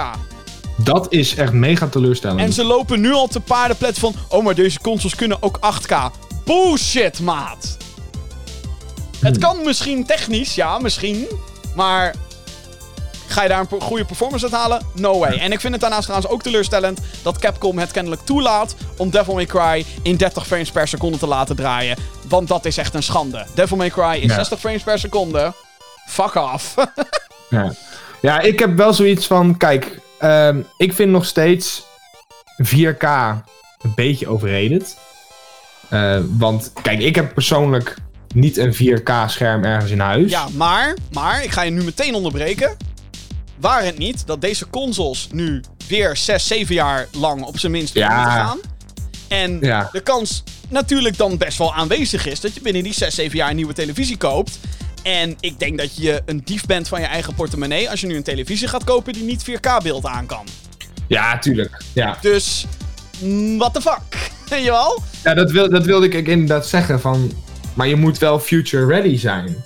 En eh, als, ze het, als ze nu al blijkt, en dat is nog niet eens uit, dat het niet aan kan... Ah, Ja, het Oei. kan het wel aan, maar niet op een hoge framerate met een oude game. En dat is wel dat ik denk, oei, oei, oei, oei, zou het niet misschien zijn dat ze hem gewoon voor de zekerheid gekapt hebben op 30? Dat doen ze meestal op consoles. Wanneer ze tussen Ja. de 40, eh, als ze 40, eh, 45 fps, soms 30, dan, dan cappen ze hem naar 30. Maar dan is het alsnog een probleem, vind ik. Als een game Ja. niet 4K 60 fps raytracing aan kan. En we zitten nu pas. En tuurlijk, optimalisatie is een ding. En wie weet wat ze allemaal nog voor elkaar gaan krijgen de aankomende jaren. Waarschijnlijk hele mooie dingen. Maar ik ga daardoor hierdoor. Ja, ik ga hierdoor wel wat, wat sceptischer kijken naar de performance van deze machines. En ik weet het, het zijn geen Nvidia RTX 3080 kaarten die in die dingen zitten. Absoluut niet zelfs. Eh, maar het is wel teleurstelling dat, ik, da- dat je dan moet lezen dat een van de eerste games die day one op het systeem beschikbaar is. Ja, leuk Mhm. raytracing, maar 30 fps op 4K. Sorry hoor, what the fuck, hé, kom op man. Ja, ja. Nou ja, ik zou dan persoonlijk gaan voor 1080 raytracing en 60 fps. Ik, ik zou zeggen, fuck raytracing en 4K 120 fps. Fuck dat dan. Dat, dat zou mijn keuze dan zijn, maar goed, whatever. Eh, moet je zelf weten. Overigens komt Devil May Cry 5 Special Edition als je denkt, doe het dan op je PC. Hij komt niet naar PC. Fuck you, Capcom. Oké, als antwoord op de Xbox Game Pass heeft PlayStation de PlayStation Plus Collection aangekondigd. Zonder extra kosten krijgen de mogelijkheid om op PlayStation 5 een aantal van de grootste games van PlayStation 4 te spelen. Zoals God of War, The Last of Us Remastered, Uncharted 4, Days Gone, Bloodborne en een reeks aan third-party titels. Batman Arkham Knight zit onder andere tussen.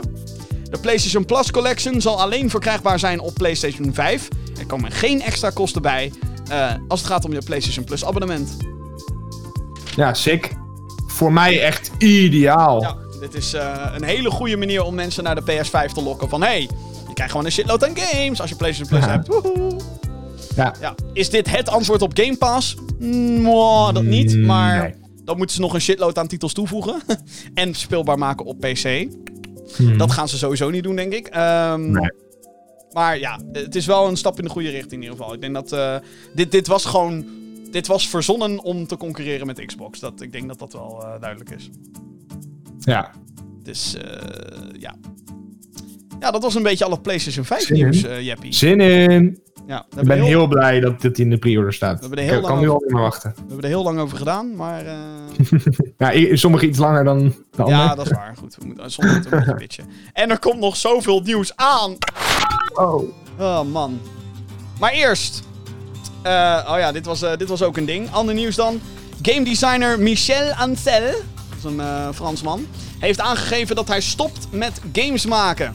Ancel staat voornamelijk bekend als de bedenker van Rayman en was betrokken bij vele van de titels in die franchise.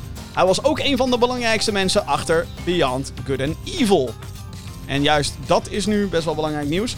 De afgelopen vijf jaar was Ansel betrokken bij Wild, een open world game waarin je één wordt met de natuur en wilde dieren. Eh, die game is aangekondigd in 2014 en sindsdien is er weinig meer over uitgekomen. Ook was Ansel bezig met, jawel, daar komt hij, Beyond Good and Evil 2. Een game die jarenlang in development hell heeft gezeten en nu ook nog steeds ontbreekt bij nieuwe presentaties van uitgever Ubisoft. Michel werkt nu bij een natuurreservaat. Hij is ruim 30 jaar betrokken geweest bij gaming. Ja. Ja, weet je wat ik denk? Ehm, kijk, iedereen heeft natuurlijk zoiets van... Oh, fuck. Nu gaat de Beyond Good and Evil... eh, dat gaat niet meer goed komen. Nou, ze hebben al meteen aangegeven, joh, wij gaan gewoon door met ontwikkelen. Ansel heeft ook gezegd, Wild en, Wild en Beyond Good and Evil 2 zien er allebei heel goed uit. Dus dat komt helemaal goed. Mhm. Press X to doubt, maar oké. eh, Ja, maar dat, dat is het dus. Eh, vaak als er als een lead designer, lead, noem maar op, weggaat, dat betekent dat is dat eigenlijk een hele grote rode vlag van dit gaat niks meer worden. Maar ik heb het idee dat deze guy heeft gewoon echt met goede, ter- op goede terms daar is weggegaan. ja, denk ik ook. Eh, want vaak is het natuurlijk dat het een beetje vechtscheiding wordt tussen studio en designer. Zeker. Ehm, en, en dan in dat geval is het echt een rode vlag. Maar ik denk dat we hier ons nog echt geen zorgen hoeven te maken over die twee games. Omdat ze goed uit elkaar zijn gegaan. Het zal niet van de Ah. een op andere dag zijn, zijn geweest dat hij nee, heeft dat gezegd: niet. jongens, ik ga er nu mee stoppen. Tuurlijk niet, maar eh, wat ik al zei, we horen jaren niks meer over Wild en Beyond Good and Evil 2. Eh, Mhm. Ik vind Beyond Good and Evil 2 veel te ambitieus. Ze willen, weet ik, duizend planeten willen ze maken met door user-generated content en blablabla. Maak gewoon een fucking game, jongens. Jezus Christus. Gewoon... En ik, eh, ambitie is goed.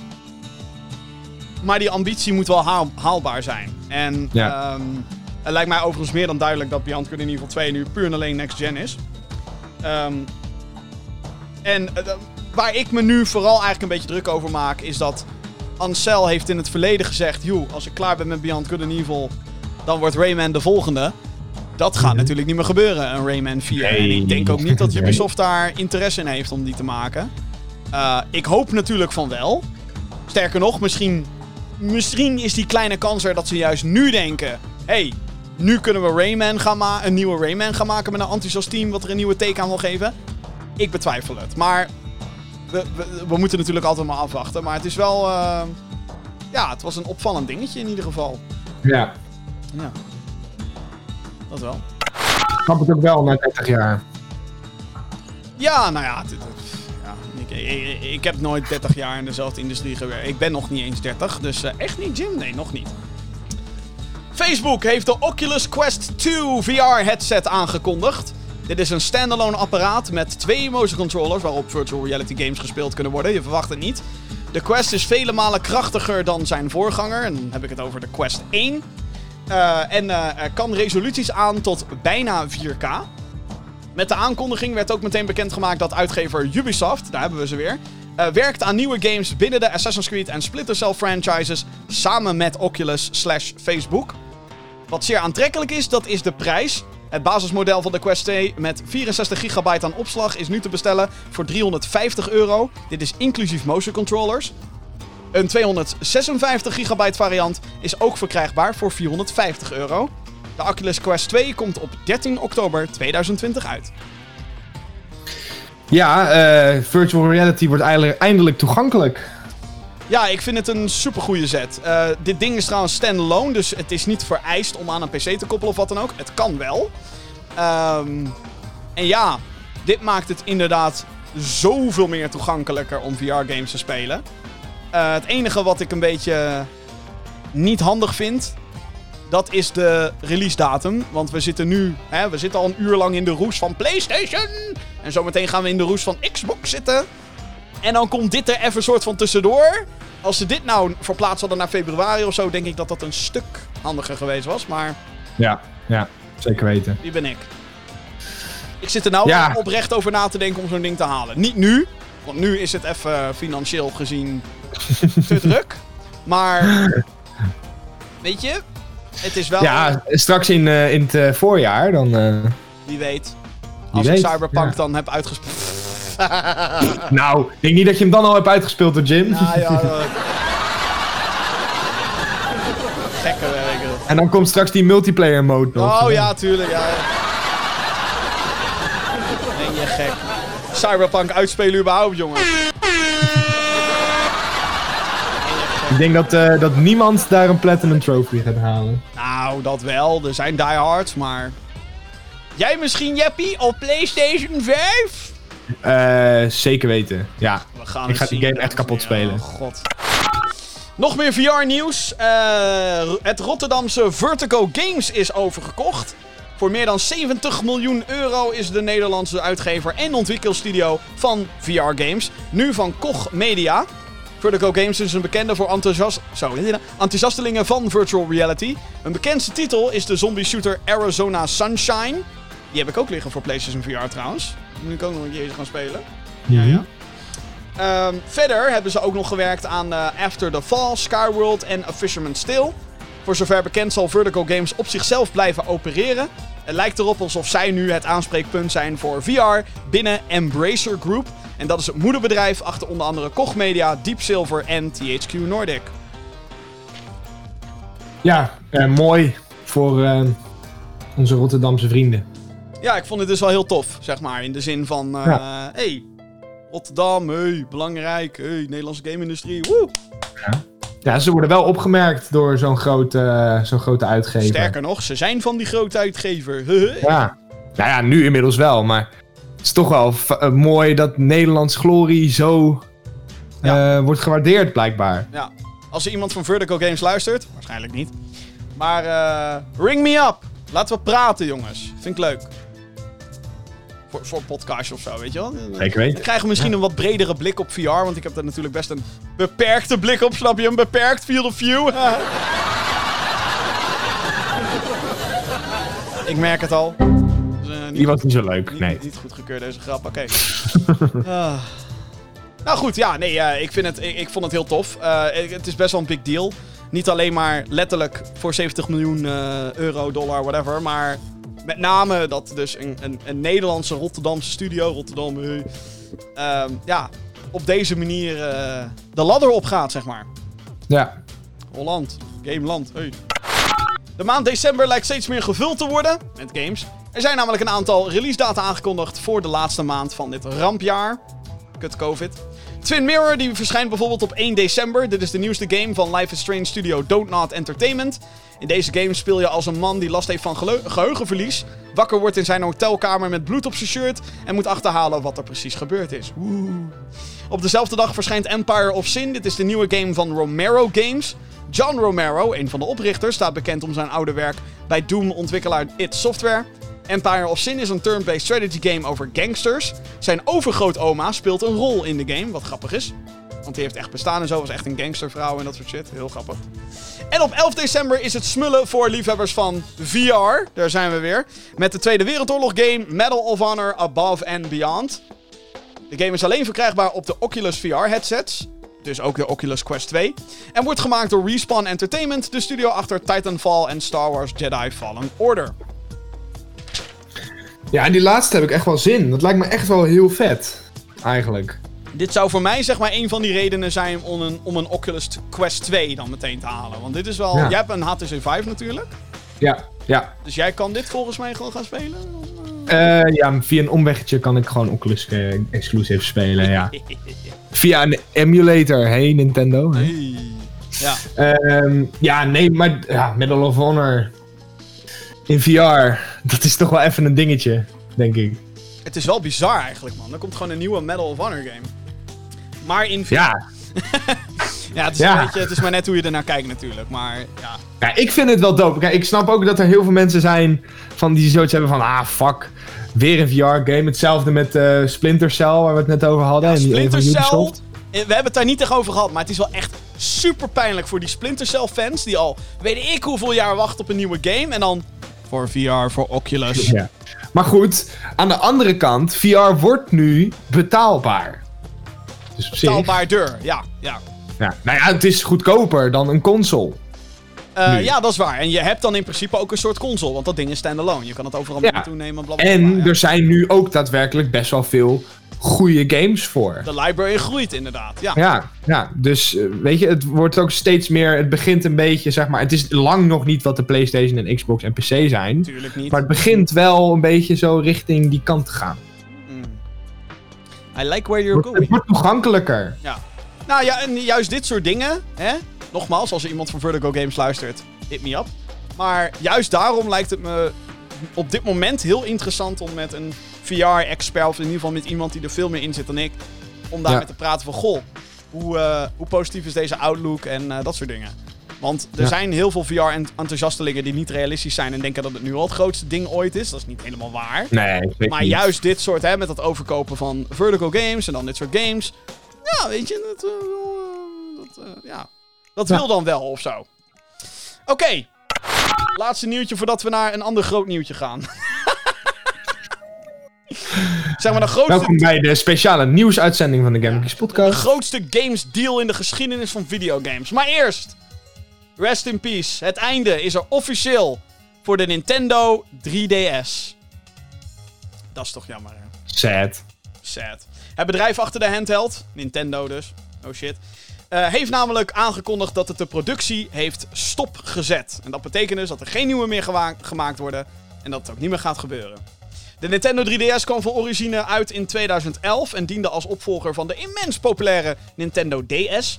De handheld had de mogelijkheid om 3D-beelden te vertonen zonder het gebruik van een 3D-bril. Dat was in 2011 een big deal. Er zijn eh, veel variaties verschenen. Naast het normale originele model verschenen er ook nog de 3DS XL, de Nintendo 2DS, New 3DS en New 3DS XL. Ik weet niet waarom ik ineens naar Engels switchte, maar maakt niet uit. Wereldwijd zijn er 75 miljoen exemplaren verkocht van alle modellen bij elkaar. Rip. Kan je ze überhaupt nog ergens kopen in Nederland? Jawel, als je naar je Maar plaats... gewoon in de winkel? Ja, als je naar je plaats... Ik denk ook nog wel webwinkels en zo hebben ze nog wel voorraad liggen van die dingen, maar... Nieuwe krijgen ze niet meer natuurlijk. Nee, nee alleen eh, tweedehands, denk ik. Ja, als je overigens nu een, een goedkope, eh, al is het een 2DS, op de kop kan tikken, zou ik dat alsnog wel aanraden. Want er zijn nog steeds, weet ik hoeveel games, die nog niet naar Ja. Switch zijn gepoord of wat dan ook, die heel leuk zijn. Bijvoorbeeld, vond je Luigi's Mansion 3 leuk? Nou, 1 en 2 zijn op de 3DS bijvoorbeeld.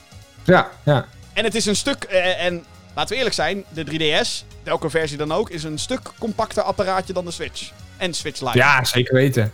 Dus ja, eh, eh, weet je, ik bedoel, dit zat er natuurlijk aan te komen. De 3DS was al, was on its way out, maar alsnog. Momentje. Jammer. Ja, het is wel heftig dit. Maar goed, Dan- Ja, de Nou, klapper. dames en heren. We gaan naar eh, het laatste nieuwsbericht van, eh, van, van deze week.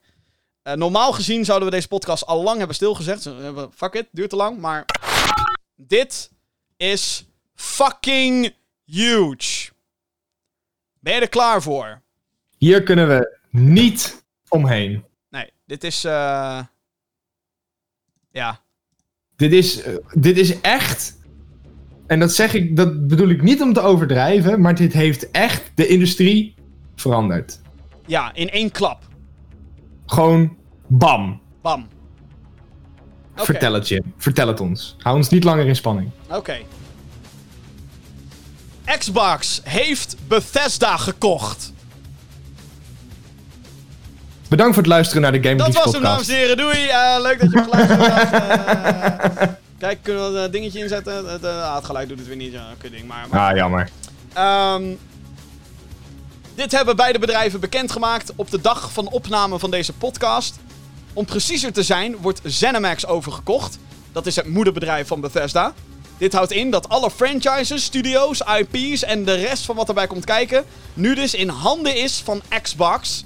De naam Bethesda kennen mensen van de gelijknamige ontwikkelstudio, voornamelijk. Deze, deze staat bekend om de Elder Scrolls franchise, Skyrim, Oblivion, Morrowind, etc. En Fallout.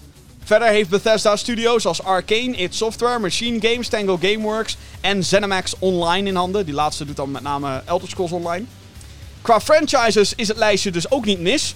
Naast de eerder genoemde Elder Scrolls en Fallout zijn ook de IP's van Starfield, Dishonored, Prey, Wolfenstein, Quake, The Evil Within, Doom en Commander Keen. Ik heb Prey nog een keer opgeschreven, maar Commander Keen zit er ook nog bij, jongens. Van, van eigenaar gewisseld. De prijs die Microsoft slash Xbox hiervoor heeft betaald is zeker niet mis. Het zou gaan om een bedrag van 7,5 miljard dollar. Eerder stond Warner Bros. Interactive nog in de verkoop voor 4 miljard. Uiteindelijk koos het moederbedrijf daarvan eh, dat niet te verkopen. Dus als, maar, en daar was Microsoft trouwens ook in geïnteresseerd. Dus moet je nagaan dat ze en Harry Potter hadden gehad en dit. Dat is dus niet waar. Dan de gevolgen. Deathloop en Ghostwire Tokyo waren in eerste instantie aangekondigd als tijdelijke exclusives voor de PlayStation 5 en PC. Waarschijnlijk verandert dit niet, omdat hier ongetwijfeld al contracten over zijn getekend met Sony. Het is niet duidelijk of dit nu betekent dat alle andere toekomstige titels van Bethesda exclusief op Xbox en PC zullen verschijnen. Xbox vindt het in principe niet erg om titels te publiceren op andere platforms. Zo is Minecraft verkrijgbaar voor alle platforms. Eh, bracht Xbox Game Studios eerder dit jaar ook Minecraft Dungeons naar P- PS4 en Nintendo Switch. Sterker nog, eerder deze week verscheen Ori and the Will of the Wisps ook op Switch.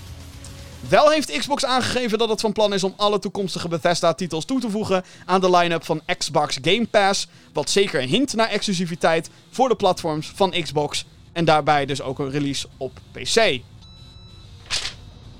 Jesus Christ. Ehm, Besef je even dat je straks de nieuwe Doom game misschien niet op PlayStation Waarschijnlijk niet. Ik bedoel, Xbox heeft hier 7,5 miljard voor betaald. Dat. Tering. dit is de grootste fucking messteek die midden in de ribjes van PlayStation geland is. Middenin. Dit is fenomenaal. Dit is nog nooit eerder gebeurd. Ik kan me serieus niet... Tuurlijk, uitgevers kopen studio's. Sommige uitgevers gaan failliet en dan gaan die IP's en zo gaan dan door. Maar nog nooit, nog nooit is het gebeurd dat er 7,5 miljard wordt neergeteld voor een gamepartij die in handen komt van een andere gamepartij. Dit Maar ook is fucking... grote uitgever. Dit is ook, ja, dit is geen... Dit is geen... Niet lullig bedoeld, dit is geen Deep Silver. Dit is geen Koch Media, dit is geen THQ. Dit is fucking Bethesda. Dit is een beetje niveau CD Projekt Red, Rockstar, Meer, meer. EA misschien zelfs, Ja, nou ja, ja, Ubisoft, Warner Brothers. Een beetje- Ubisoft. maar dan ja, wel ietsjes belangrijker en prominenter in de westerse markt vooral. Ja, zeker weten. Ehm, dit, is dit is echt bizar. Nog nooit, nou, nou, gewoon dit is nog nooit eerder gebeurd. En ik ben eh, om vier uur vandaag of zo kwam het nieuws overal. En ik flipte hem keihard. Ik wist niet meer wat ik moest doen. Eh, dit is, dit is de, what the fuck? En niemand zag dit aankomen ook. Helemaal niemand. Nee, maar daarom denk ik ook dat dit, dit is zo'n dikke fucking sneer naar Play. Dit kan niet anders. En Dit de, is één hele grote middelvinger. de macht die Microsoft nu heeft, jongen. Het aantal studio's. I- iemand, eh, ehm, Tom van, eh, zat vroeger bij Gamersnet, zit nu bij Tom Steg. Die tweette ook, na de announcement, hij tweette niet iets over de ding zelf. Maar is dat gewoon van... Realiseer trouwens even dat... Xbox nu, dus nu de makers van de Outer Worlds hebben, Obsidian. Die maakte Fallout New Vegas. En ze hebben nu de Fallout IP gewoon. Ja. 1 plus 1 is 2, dames en heren. Ja. What the fuck gewoon. Ja. Dus Elder Scrolls 6 op PlayStation 5. Fucking vergeet het maar. Vergeet het Nou maar, ja, jongens. Ga er, Niet 100%. ga er niet vanuit. Fallout 5 door Obsidian. Let's go. Let's go. Ja. Oh nou ja, het zou heel goed kunnen, ja. Oh my god. Dit is echt Ik bizar. denk dat Xbox nu inderdaad gewoon zegt van... Yo, Obsidian, gaan jullie maar even een Fallout eh, game Ja, ze zijn al bezig met een aantal andere RPG's, onder andere Avowed, wat een in eerste instantie een beetje leek op, leek op Elder Scrolls, maar dan voor Xbox. Maar nu hebben Ja. ze like Elder Scrolls, dus wat? En Misschien denk- veranderen ze de titel naar Elder Scrolls nee, nee, wel, dat, jij dat, denk ik niet. Nee, nee, nee. Want die game speelt zich af in de, in, de, in de universe van Pillars of Eternity. Zo hebben ze allemaal een visie voor. Dus om dat dan om te gaan gooien, dat Oh niet. ja. Maar, ehm ja, dit is, dit is fucking bizar, dit. Holy fuck gek. Maar dit betekent dus ook dat. Nou, dit betekent zo fucking veel. Dit betekent gewoon ook dat straks de Bethesda Net Launcher waarschijnlijk gewoon compleet fucking gaat verdwijnen. Want fuck it. Wordt gewoon Microsoft. Dat wordt Microsoft Store en Microsoft is ook niet vies van Steam, dus whatever. Weet je wel? Ja. Maar ja, dit is. eh, Dit is echt... Maar wat moet, wat moet PlayStation hier in godsnaam nu nog tegen doen? Ik, eh ik tweette dit vanmiddag al, maar ik denk dat PlayStation, as we speak, aan de vergadertafel dan wel de telefoon zit met een aantal partijen. Ja, de Zoom-call, denk ik. die ook zij per direct willen overnemen. En Ja. ik tweette vanmiddag over Square Enix. Hè, Final Fantasy, Tomb Raider, Life is Strange. Dat is dan zeg maar de minder bekende IP, denk ik. Maar die match zie ik wel zitten. Weet je wel, ook eh, gezien de geschiedenis tussen PlayStation en Final Fantasy met name. Eh, dus dat zie ik wel gebeuren. Kingdom Hearts is natuurlijk ook van Square. Ehm, ze hebben nog een aantal andere IP's. Eh, Deus Ex is volgens mij ook van Square nog. Ehm, dus daar zit zeker potentie. Ehm, en later bedacht ik me... What about Capcom? Ja. Eh, Resident Evil, eh, Monster Ja. Hunter... eh, What about Rockstar? ja, nou, die, die laten zich niet... Ik denk dat dat zeg maar zo'n partij is die niet zich laat overkopen. Ja, maar waarom zou Bethesda zich wel laten overkopen? Dat Even heel eerlijk. dat is een goeie, maar ik denk oprecht... Want Rockstar is niet Rockstar aan zich, hè. Dat is een dochterbedrijf van Take-Two. Dus dan Ja, zou ja, je heel ja, fucking Take-Two moeten overkopen. En dat is dus ook 2K en Private Division. En ik denk dat dat, dat ligt, denk ik... Ik denk niet dat zij geïnteresseerd zijn om, eh, om gekocht te worden. Als ik Nou ja, als ze genoeg geld neerleggen.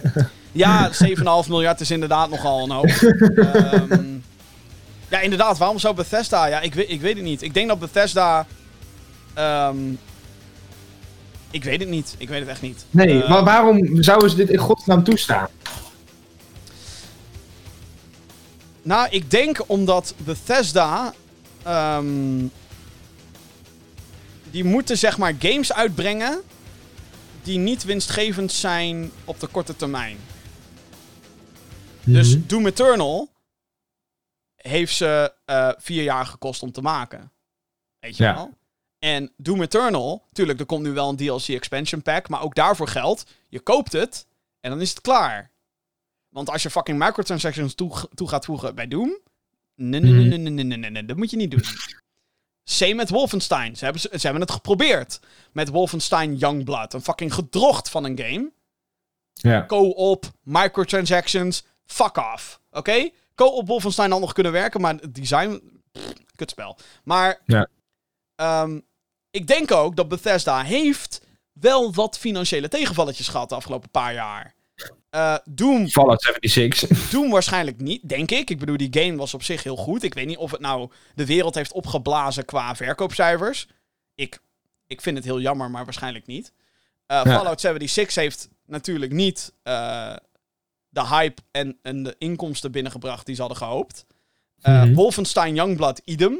Ik denk dat niemand daar een, ook maar één microtransaction heeft gekocht. En als dat zo is, dank je wel. Want die game fucking verdient het niet. Eh, ze hebben een Commander Keen project wat compleet de soep in is gelopen.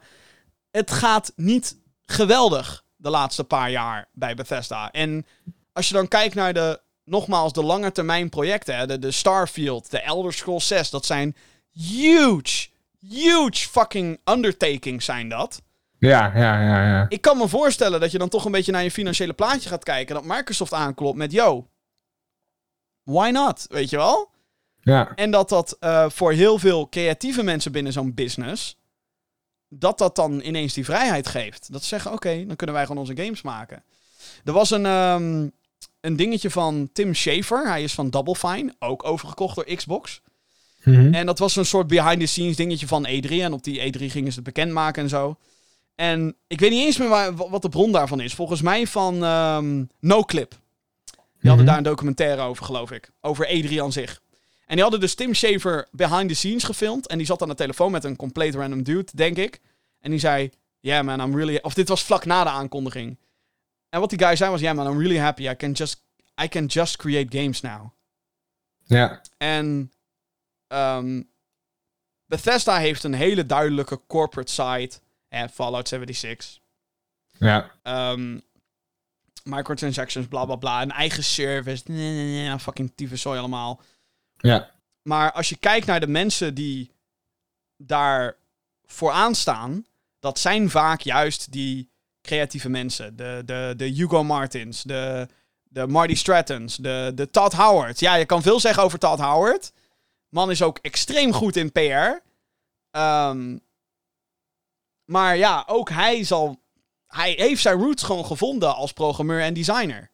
ja. Dus ja, ik, ik, ik denk, ik, dit- en dit is allemaal puur speculaas dit.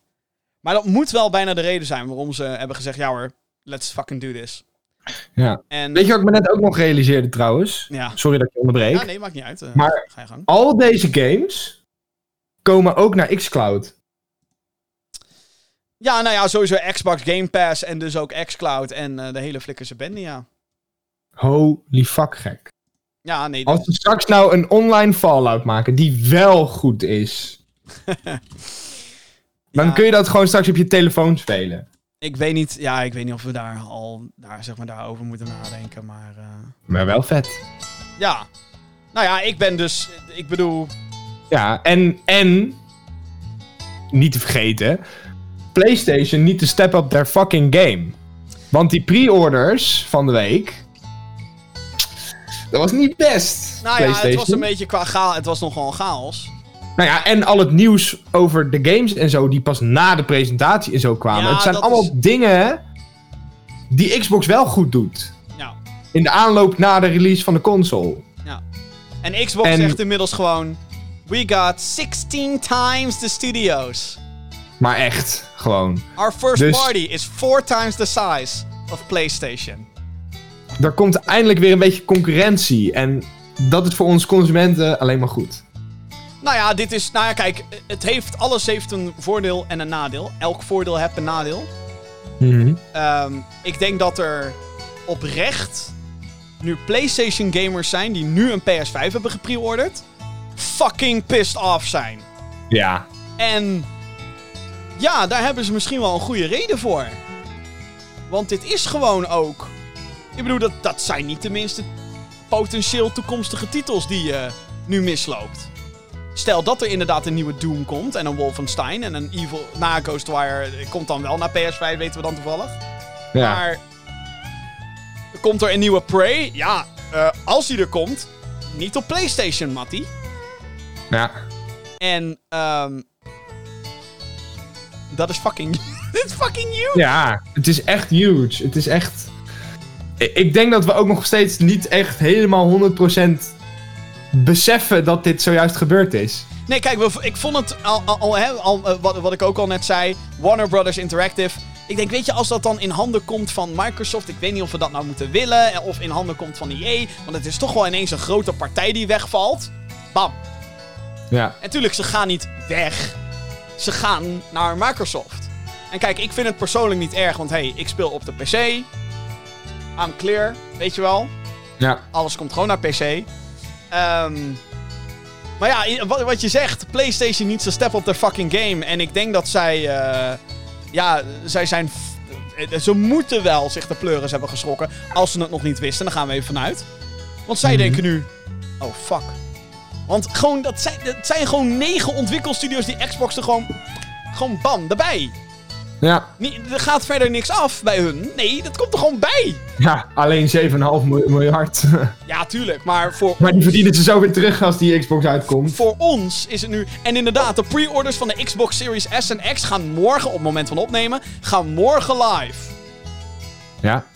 Als je, zeg maar, je fanbase een vertrouwensboost wil geven, dan is dit wel de manier, ja. En Yo, we hebben Ja. zojuist een van de grootste fucking game-uitgevers ever hebben we fucking overgekocht.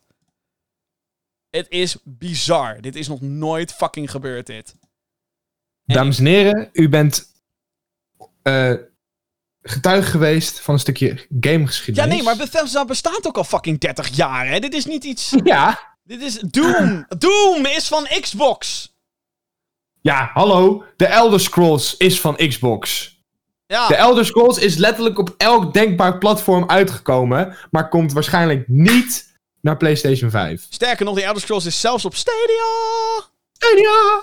En komt nu naar Xbox. Maar komt waarschijnlijk niet naar PlayStation 5. Pro- nou, Elder Scrolls Online, dat weet ik niet. Die hebben ze al wel announced, hè, voor PS5. Doom Eternal ook. Ik Oh, in dat- dat ge- in da- ja, in dat geval dan wel. Ik denk dat ze ik. die denk dat die contracten wel door zullen gaan. daar zullen ze nog wel een soort van dat Xbox heeft, tuurlijk, joh, alsjeblieft. Maar ja, dat PlayStation zo eh, van, hé hey, luister eens, ik heb een contract met jou. Jij brengt ze gewoon Nee, PlayStation maar 5. ik, ik denk ook wel dat Xbox oprecht zoiets heeft van, weet je, fuck it, eh, doe, doe maar. Het kan ook eigenlijk niet boeien, want alle microtransactions gaan toch naar ons. Dankjewel. Alleen wat dus fucking ironisch wordt, is dat waarschijnlijk dus met Deathloop en met Ghostwire Tokyo, die dus tijdelijk exclusief zijn voor PS5, nogmaals, ik denk dat die deal gewoon door blijft gaan. Mhm. Maar dat de kans dus heel groot is dat er, als je die op de PlayStation Store straks gaat opzoeken, dat daar dus gewoon staat uitgever Xbox Game Studios. Ja, en dat je moet inloggen met je Microsoft-account. En Deathloop is. ehm Deathloop is dus onlangs nog in een PlayStation 5 showcase. Hoe Ja. hard, hoe hard voelt Sony zich nu genaaid? Let- letterlijk vorige week. Oh ja, by the way, Deathloop, een Bethesda game in onze PlayStation 5 showcase. Kijk eens jongens, wat tof hè. Bethesda support PlayStation. What the fuck gebeurt hier? Vijf dagen later. Oh my god. bizar, echt bizar. Het is echt niet normaal. Het is echt niet normaal. Dit, eh, nou ja, dit heeft fucking grote gevolgen, dit. Dit heeft Ja. echt, dit is bizar. Dit is, oh my god. En ik garandeer je, wat ik al zei, PlayStation hangt nu aan de telefoon. Met een aantal partners van, yo, ik weet niet, maar zullen wij lijken fucking... eh, Zullen we jullie even kopen? PlayStation, PlayStation gaat nu achter Activision aan, Mattie. Activision Blizzard, gek. Zo, dat zou... Wow. Holy fuck. Ik denk niet dat Blizzard... eh, oh, nou dan zie ik het wel gebeuren dat Blizzard zich weer... Met Blizzard gaat het niet goed, hè, ook. Jawel. Nou, het heeft betere tijden gekend, maar... Diablo, Immortal, Ja, oké. eh hoe heet die, eh, World of Warcraft. Brings a family together like slaying demons. Was een was, het nou, was het World of Warcraft remake? Nee, World of Warcraft Shadowlands. De expansion. Ja, Die komt gewoon uit. ja, maar er was nog iets. Er was nog iets wat ze oh, hebben. Warcraft 3 refucked. Oh ja, Warcraft, dat was het. Ja, maar fuck dat. laten, ja, we, laten we het daar alsjeblieft niet meer over hebben. Oké, nee, je hebt gelijk. Maar goed, met Activision gaat het dan weer heel goed. Weet je, Call of Duty is... booming. Ja, Activision wel. Ik denk niet dat Activision wil verkopen, persoonlijk. Maar Nee, dat denk ik ook niet. Maar Blizzard. mhm. Ja, maar dat is onderdeel van Activision. En ik denk ook, Ja, dat weet ik, maar. ik denk ook niet dat Activision zoiets heeft van... Nou, die gaan we lekker Nee. laten gaan. Ze hebben Nee, want als, als Activision zeg maar exclusief op PlayStation uit zou. Of als Call of Duty exclu- exclusief op eh, PlayStation uit zou komen. Ja, Zo. ik weet niet wat eh, mensen daar zou van zouden vinden. Ik, zou dat niet tof vinden in ieder geval. Ik, ook zou dat niet. echt niet dope vinden. Persoonlijk. Maar dat is misschien... Dat is weer greedy misschien. Maar ja. Eh what the fuck, hé. Ik ben Ja. nog steeds flabbergasted, zeg maar. Ik kan het niet geloven gewoon dat, dat, Nee. dat dit is gebeurd. Maar ja, aan de andere kant, kijk, Sony hoeft natuurlijk niet nu in paniek studio's te gaan kopen. Want zij hebben al een hele goede line-up. Hè? En die van Microsoft was niet fantastisch. De launch titels in ieder geval. Nee, Kijk, ja, ik- qua, of eh, eh, Game Pass is een heel ander verhaal. Ehm, maar dit trekt ze wel veel dichter naar elkaar toe. Nou ja, kijk, ik denk dat ehm, Xbox heeft heel veel potentie. Maar juist de games waar ze heel veel marketing achter zetten, daar is altijd een beetje. ehm, ik weet niet, niet, niet, niet dat ik wil zeggen dat het gefaald heeft of zo. Maar om nou te zeggen dat het. Dat dat. Dat het grandioze bestsellers zijn. Ja, nou ja, kijk, weet je, het, het is altijd een soort van gemengd verhaal. Sea of Thieves bij launch, laten we eerlijk zijn, was niet wat we ervan hadden verwacht. Nee, Maar tuurlijk. mensen blijven het spelen. En laatst zag ik ook weer een tweet van jou van... Hé, hey, je moet het echt spelen. Hier is een korte uitleg. 22 minuten van de fucking developers, oké? Ehm, maar ik weet, weet je, dat wordt wel echt gespeeld. En ze blijven het updaten, bla bla bla. Ik denk dat we... En ik, ik, ik moet het echt weer eens een keertje uit gaan proberen. Waar is mijn tijd? Eh, tijd. Maar ik denk dat Sea of Thieves nu wel... In zijn huidige status dan wel weer de moeite waard is, weet je wel? Eh, en ik blijf het zeggen, Ori and the Will of the Wisps is een van mijn favoriete games van dit jaar. En op de een of andere manier heeft Microsoft die niet zo hard gepusht of zo. Nee, nee. Dus dat is altijd een beetje Hij was ook En- ineens op Switch. Ja, ineens ook. En ik vind Ja. het tof voor Switch-eigenaren die nu die fucking mooie game kunnen gaan spelen. Maar, weet je wel, eh, eh, tell me why. Ik, vind, ik heb nog steeds nog maar één chapter gespeeld, maar ik vind dat ook heel tof. Er is ook niet heel veel marketing achter gezet. Maar ook dat is een Xbox-game. Ja. En Xbox heeft gewoon heel veel potentie, heel veel goede studio's nu ook. Eh, Gears was te gek. Nou, Halo, dat moeten we dan nog maar even zien, zeg maar. Alleen, Ja. er zit een soort... Er is een soort reputatieding gaande, dat alles wat PlayStation zogenaamd aanraakt, dat is goud. En toegegeven, ze hebben een meer dan prima generatie achter de rug met een hele strakke first-party line-up. Ehm, en daar waar Xbox nu... ehm, ja, daar waar Xbox eerst en geen games had. Althans, ze hadden wel. Ze hadden een paar games, laat ik het dan zo zeggen.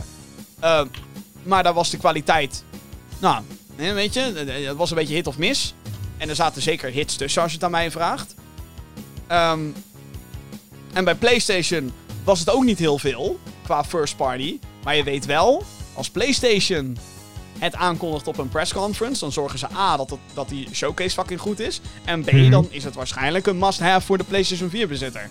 En dat is wel Ja. bij heel veel titels is dat gebleken.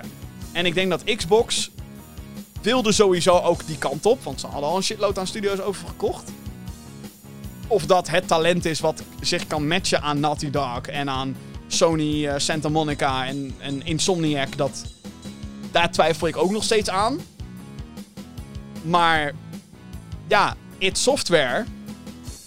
Ik weet niet, ze kunnen wel fucking goede first-person shooters maken. Zeker weten, Dat ja. is het fucking bewijs. En, ehm ja, jezus, what the fuck, hé. het is gewoon, het is, Het is echt krankzinnig. En de Dat is echt het enige woord wat ik ervoor heb, denk ik. Ja. Ik bedoel, je kan straks lullen wat je wil over PlayStation versus Xbox, zeg maar. Die fanboy discussies zijn natuurlijk al, al lang gaande. En die gaan de aankomende jaren nog komen. En dit is de grootste, dit is de grootste oorlogsverklaring die Xbox heeft gedaan sinds Xbox One, zeg maar. Ja. Dit is de. Hè, wat, wat, wat Sony deed in 2013 met: hey, bij ons hoef je geen DRM te hebben. Dit is Xbox die zegt: wij hebben fucking games. En die komen allemaal op Game Pass. Het boeit ons eigenlijk geen fuck of je ons een console koopt. Koop Eigenlijk- Game Pass. Maar haal ons een Game Pass. Xbox, that's where it's at. En ik begin ze in hun marketing bullshit, ik begin erin te geloven. Ja. Want, hey, Maar nieuwe- oprecht, het is...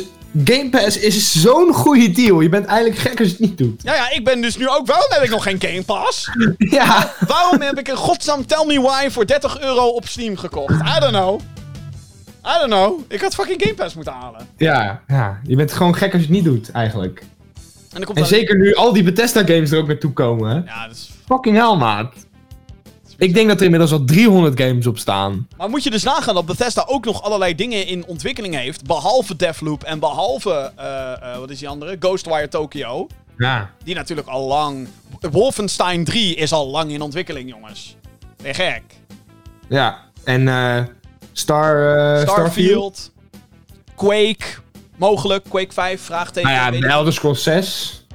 ja, nou, Die die, die, ontwikkeling. die is nog niet hoor. Die is nog niet. Nou ja, een conceptvaart. Nou ja, die is aangekon- aangekondigd, dus die komt. Ja, vroeg of laat. Laat. Laat. Ja, nee, dit is... ehm, Jesus Christ. Gewoon, ik, ik- nogmaals. Dit is historisch, dit. Dit ga je nooit. Dit gaan we nooit meer meemaken, dit. Tenzij PlayStation nu. Maar alsnog, als PlayStation nu komt met. Wij kopen Capcom. Is dat cool. Maar het heeft voor Het is ons. geen Bethesda. Het is geen. Weet je, en, en Capcom is huge. Street Fighter, Monster Hunter, Resident Evil. En een shitload aan andere IP's. Mega Man. Ik bedoel, het zou een fucking big deal zijn. Maar het is Xbox die hier nu die eerste ehm, hele grote snijwond heeft eh, uitgedeeld aan PlayStation. En ehm, ik zeg niet, weet je, PlayStation is nog lang niet out of the game. Ze gaan. Zeker niet. Ja, weet je, het wordt een zo, hopelijk wordt het een solide console met een solide line-up, bla bla bla bla bla. Maar, ik denk dat het feit nu wel gewoon is dat er een aantal games gewoon niet meer naartoe komen. En eh, Ja. dat is een. eh, Dat is gewoon de keiharde realiteit. ja. Ja. En dat is heel erg. Ja. Maar ik vind het wel... Het maakt het wel weer leuk. Het maakt het fucking spannend, dit. Ja. Ja, sign me the fuck up, weet je wel. Ik ben, eh, ik eh, ben helemaal... eh, ik ben helemaal van mijn apropos. En dat gebeurt me niet heel vaak, weet je wel. Michel Ancel die, die vertrekt. Oké, ja. Nee, dat gaat dan over een game. Dit gaat over een fucking scala aan games. Over duizenden medewerkers. Over... ehm, ja, over, wat ik al zei, over een bedrijf wat al meer dan 30 jaar gewoon actief is. Ja, Ja. Sick. fucking ziek, ja. Echt ziek. Fucking ziek. Oh, nou, zijn we er voorbij gekomen? Ja. Heb jij een vraag voor de show? Mail naar podcast.gamergeeks.nl Jeetje. Beste Jim en andere Geek of Geeks. AMD heeft vandaag een nieuwe motherboard aangekondigd. De B55... Oh god. De B550-serie. Deze gaan Gen 3, 4 en alle opvolgende supporten. Wat is Gen... Is dat niet Zen? Whatever. Alleen sommige uitbrengen gaan ook een beta-software uitbrengen... voor de B450 motherboards. Bla bla bla. Ik heb geen idee, Servando, waar dit over gaat. Dit moet je even aan eh Kaman eh, vragen. aan Jeroen Kaman. Alleen sommige uitbrengen gaan ook een beta software uitbrengen voor de B450 motherboards, zodat deze nog wel mogelijk zijn met de Gen 4 reizen. Alleen dit geen beta software worden. What the fuck is dit allemaal? Ik heb geen idee, Savando. Geen idee. Ik weet het ook niet. Moeten we Kaman even bellen?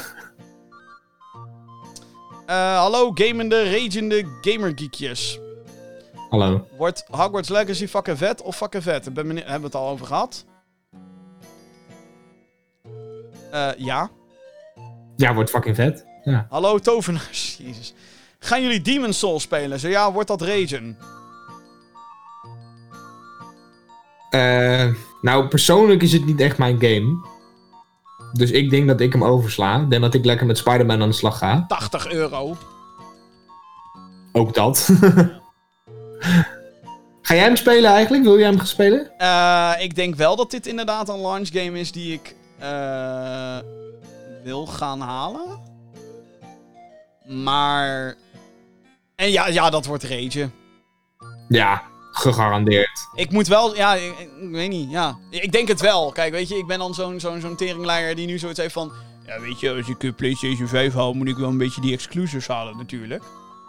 Een van die exclusives is dan uiteraard Spider-Man. Hallo, Spy Spider-Man? No fucking shit, Sherlock. Demon Souls, ja, tuurlijk. Van de, van de first party line-up is dat toch wel de tweede game, zeg maar. Ehm, kijk, de, de third party games op, op PlayStation is voor mij een stuk minder interessant, meteen al. Omdat ik de Beast ga halen, mijn nieuwe PC. Dus- Beast. En daar gaat alles sowieso beter op draaien dan op de PlayStation 5. Ja, mijn PC wordt sowieso veel sterker dan de next-gen consoles. Dus, eh, weet je, dus dan mm, valt voor mij die, die, dat enthousiasme een beetje weg. Ja. Dus waarschijnlijk wel, ja. Ja. Het is wel eh, dat ik. ehm, eh, hoe heet het?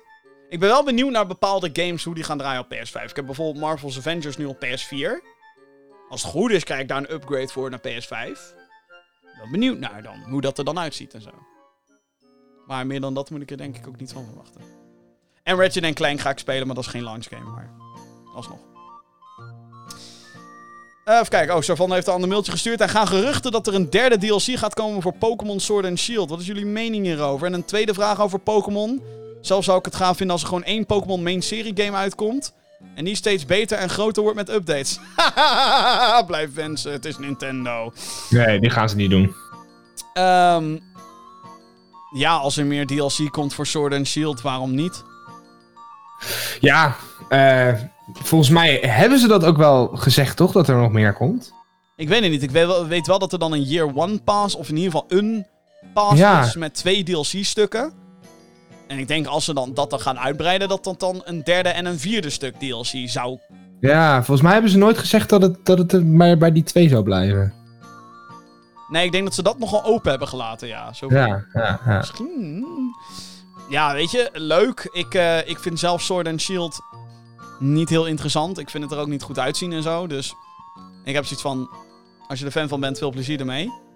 Voor mij hoeft het niet in ieder geval. Ja. Voor mij is het gewoon. Weet je? Whatever. Maar, maar dat is het dan ook wel. Ja, mee eens. Oké. Nou. Jeppie, Zijn we er? we zijn er. Oh, Ja. het ging zo snel. Vind je? Nee, ja, het was gewoon, het was gewoon echt groundbreaking nieuws natuurlijk. Dus we moesten er gewoon even onze tijd voor nemen. Ja, ik bedoel, we hebben allerlei details. We hebben een launch line-up voor een console. We hebben een shitload aan nieuwe games aankondigingen. En oh ja, by the way, Xbox koopt Bethesda. Oh ja, even tussendoor. Even tussendoor, jongens. Nou, Ja, ja. Nou, eh, mensen. Mocht jij deze podcast gehoord hebben en je denkt... Nou, die gasten die weten wel waar ze over praten, soort van. Kunnen goed hun frustratie ventileren en zo. Zijn ook wel hyped voor bepaalde dingen. Woe! Let's go, baby. Ehm, daar wil ik meer van horen. Abonneer je op deze podcast via je favoriete podcastdienst, zoals Google Podcast, Apple Podcast, dan wel Spotify. Of waar je dan ook maar naar een podcast luistert. Daar is deze show als het goed is gewoon te ontvangen. Als je een recensie kan achterlaten, dat kan bijvoorbeeld op Apple Podcast. Doe dat dan ook. Vijf sterren. Daarmee help je ons om hoger in het algoritme te komen. En hoe meer zielen, hoe meer vreugd natuurlijk bij shows zoals deze. Er is ook een videoversie, die is te vinden op youtube.com slash gamergeeksnl. Eh, wat nog meer? Ga sowieso naar youtube.com slash gaminggeeksnl. Abonneer je op dat YouTube kanaal. Eh, dan ben ik je ook voor eeuwig dankbaar. Want we hebben meer abonnees nodig op eh, dat YouTube kanaal. eh, die, die, die ruimte en zo. En ga natuurlijk naar gaminggeeks.nl voor het laatste nieuws. We hebben een, een geek erbij. Dat is Johan Korn. En die is als een malle nieuwsberichten aan het neerzetten op die, op die website. Dus meer dan de moeite waard om daar ook dagelijks te kijken. En dan zie je ook meteen als er een nieuwe video is. Dus eh, perfect. 1 en 1 is 2, dames en heren. Gaminggeeks.nl niks aan doen. Goed. Jeppie, bedankt dat je erbij was. Ik vond het eh, een eer om erbij te zijn bij deze Want gedenkwaardige aflevering van de Game. holy shit. Hier gaan wij het nog jaren over hebben. Zeker. Zo, Ugh. gezondheid. Alleen samen krijgen we het onder controle allemaal.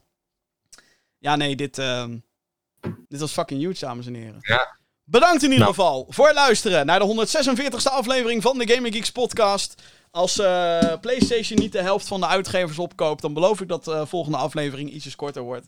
Maar er zijn natuurlijk geen garanties, want eh, zoals vandaag maar weer heeft bewezen, er kan van alles gebeuren. Dus bedankt voor het luisteren en heel graag tot de volgende keer. Later.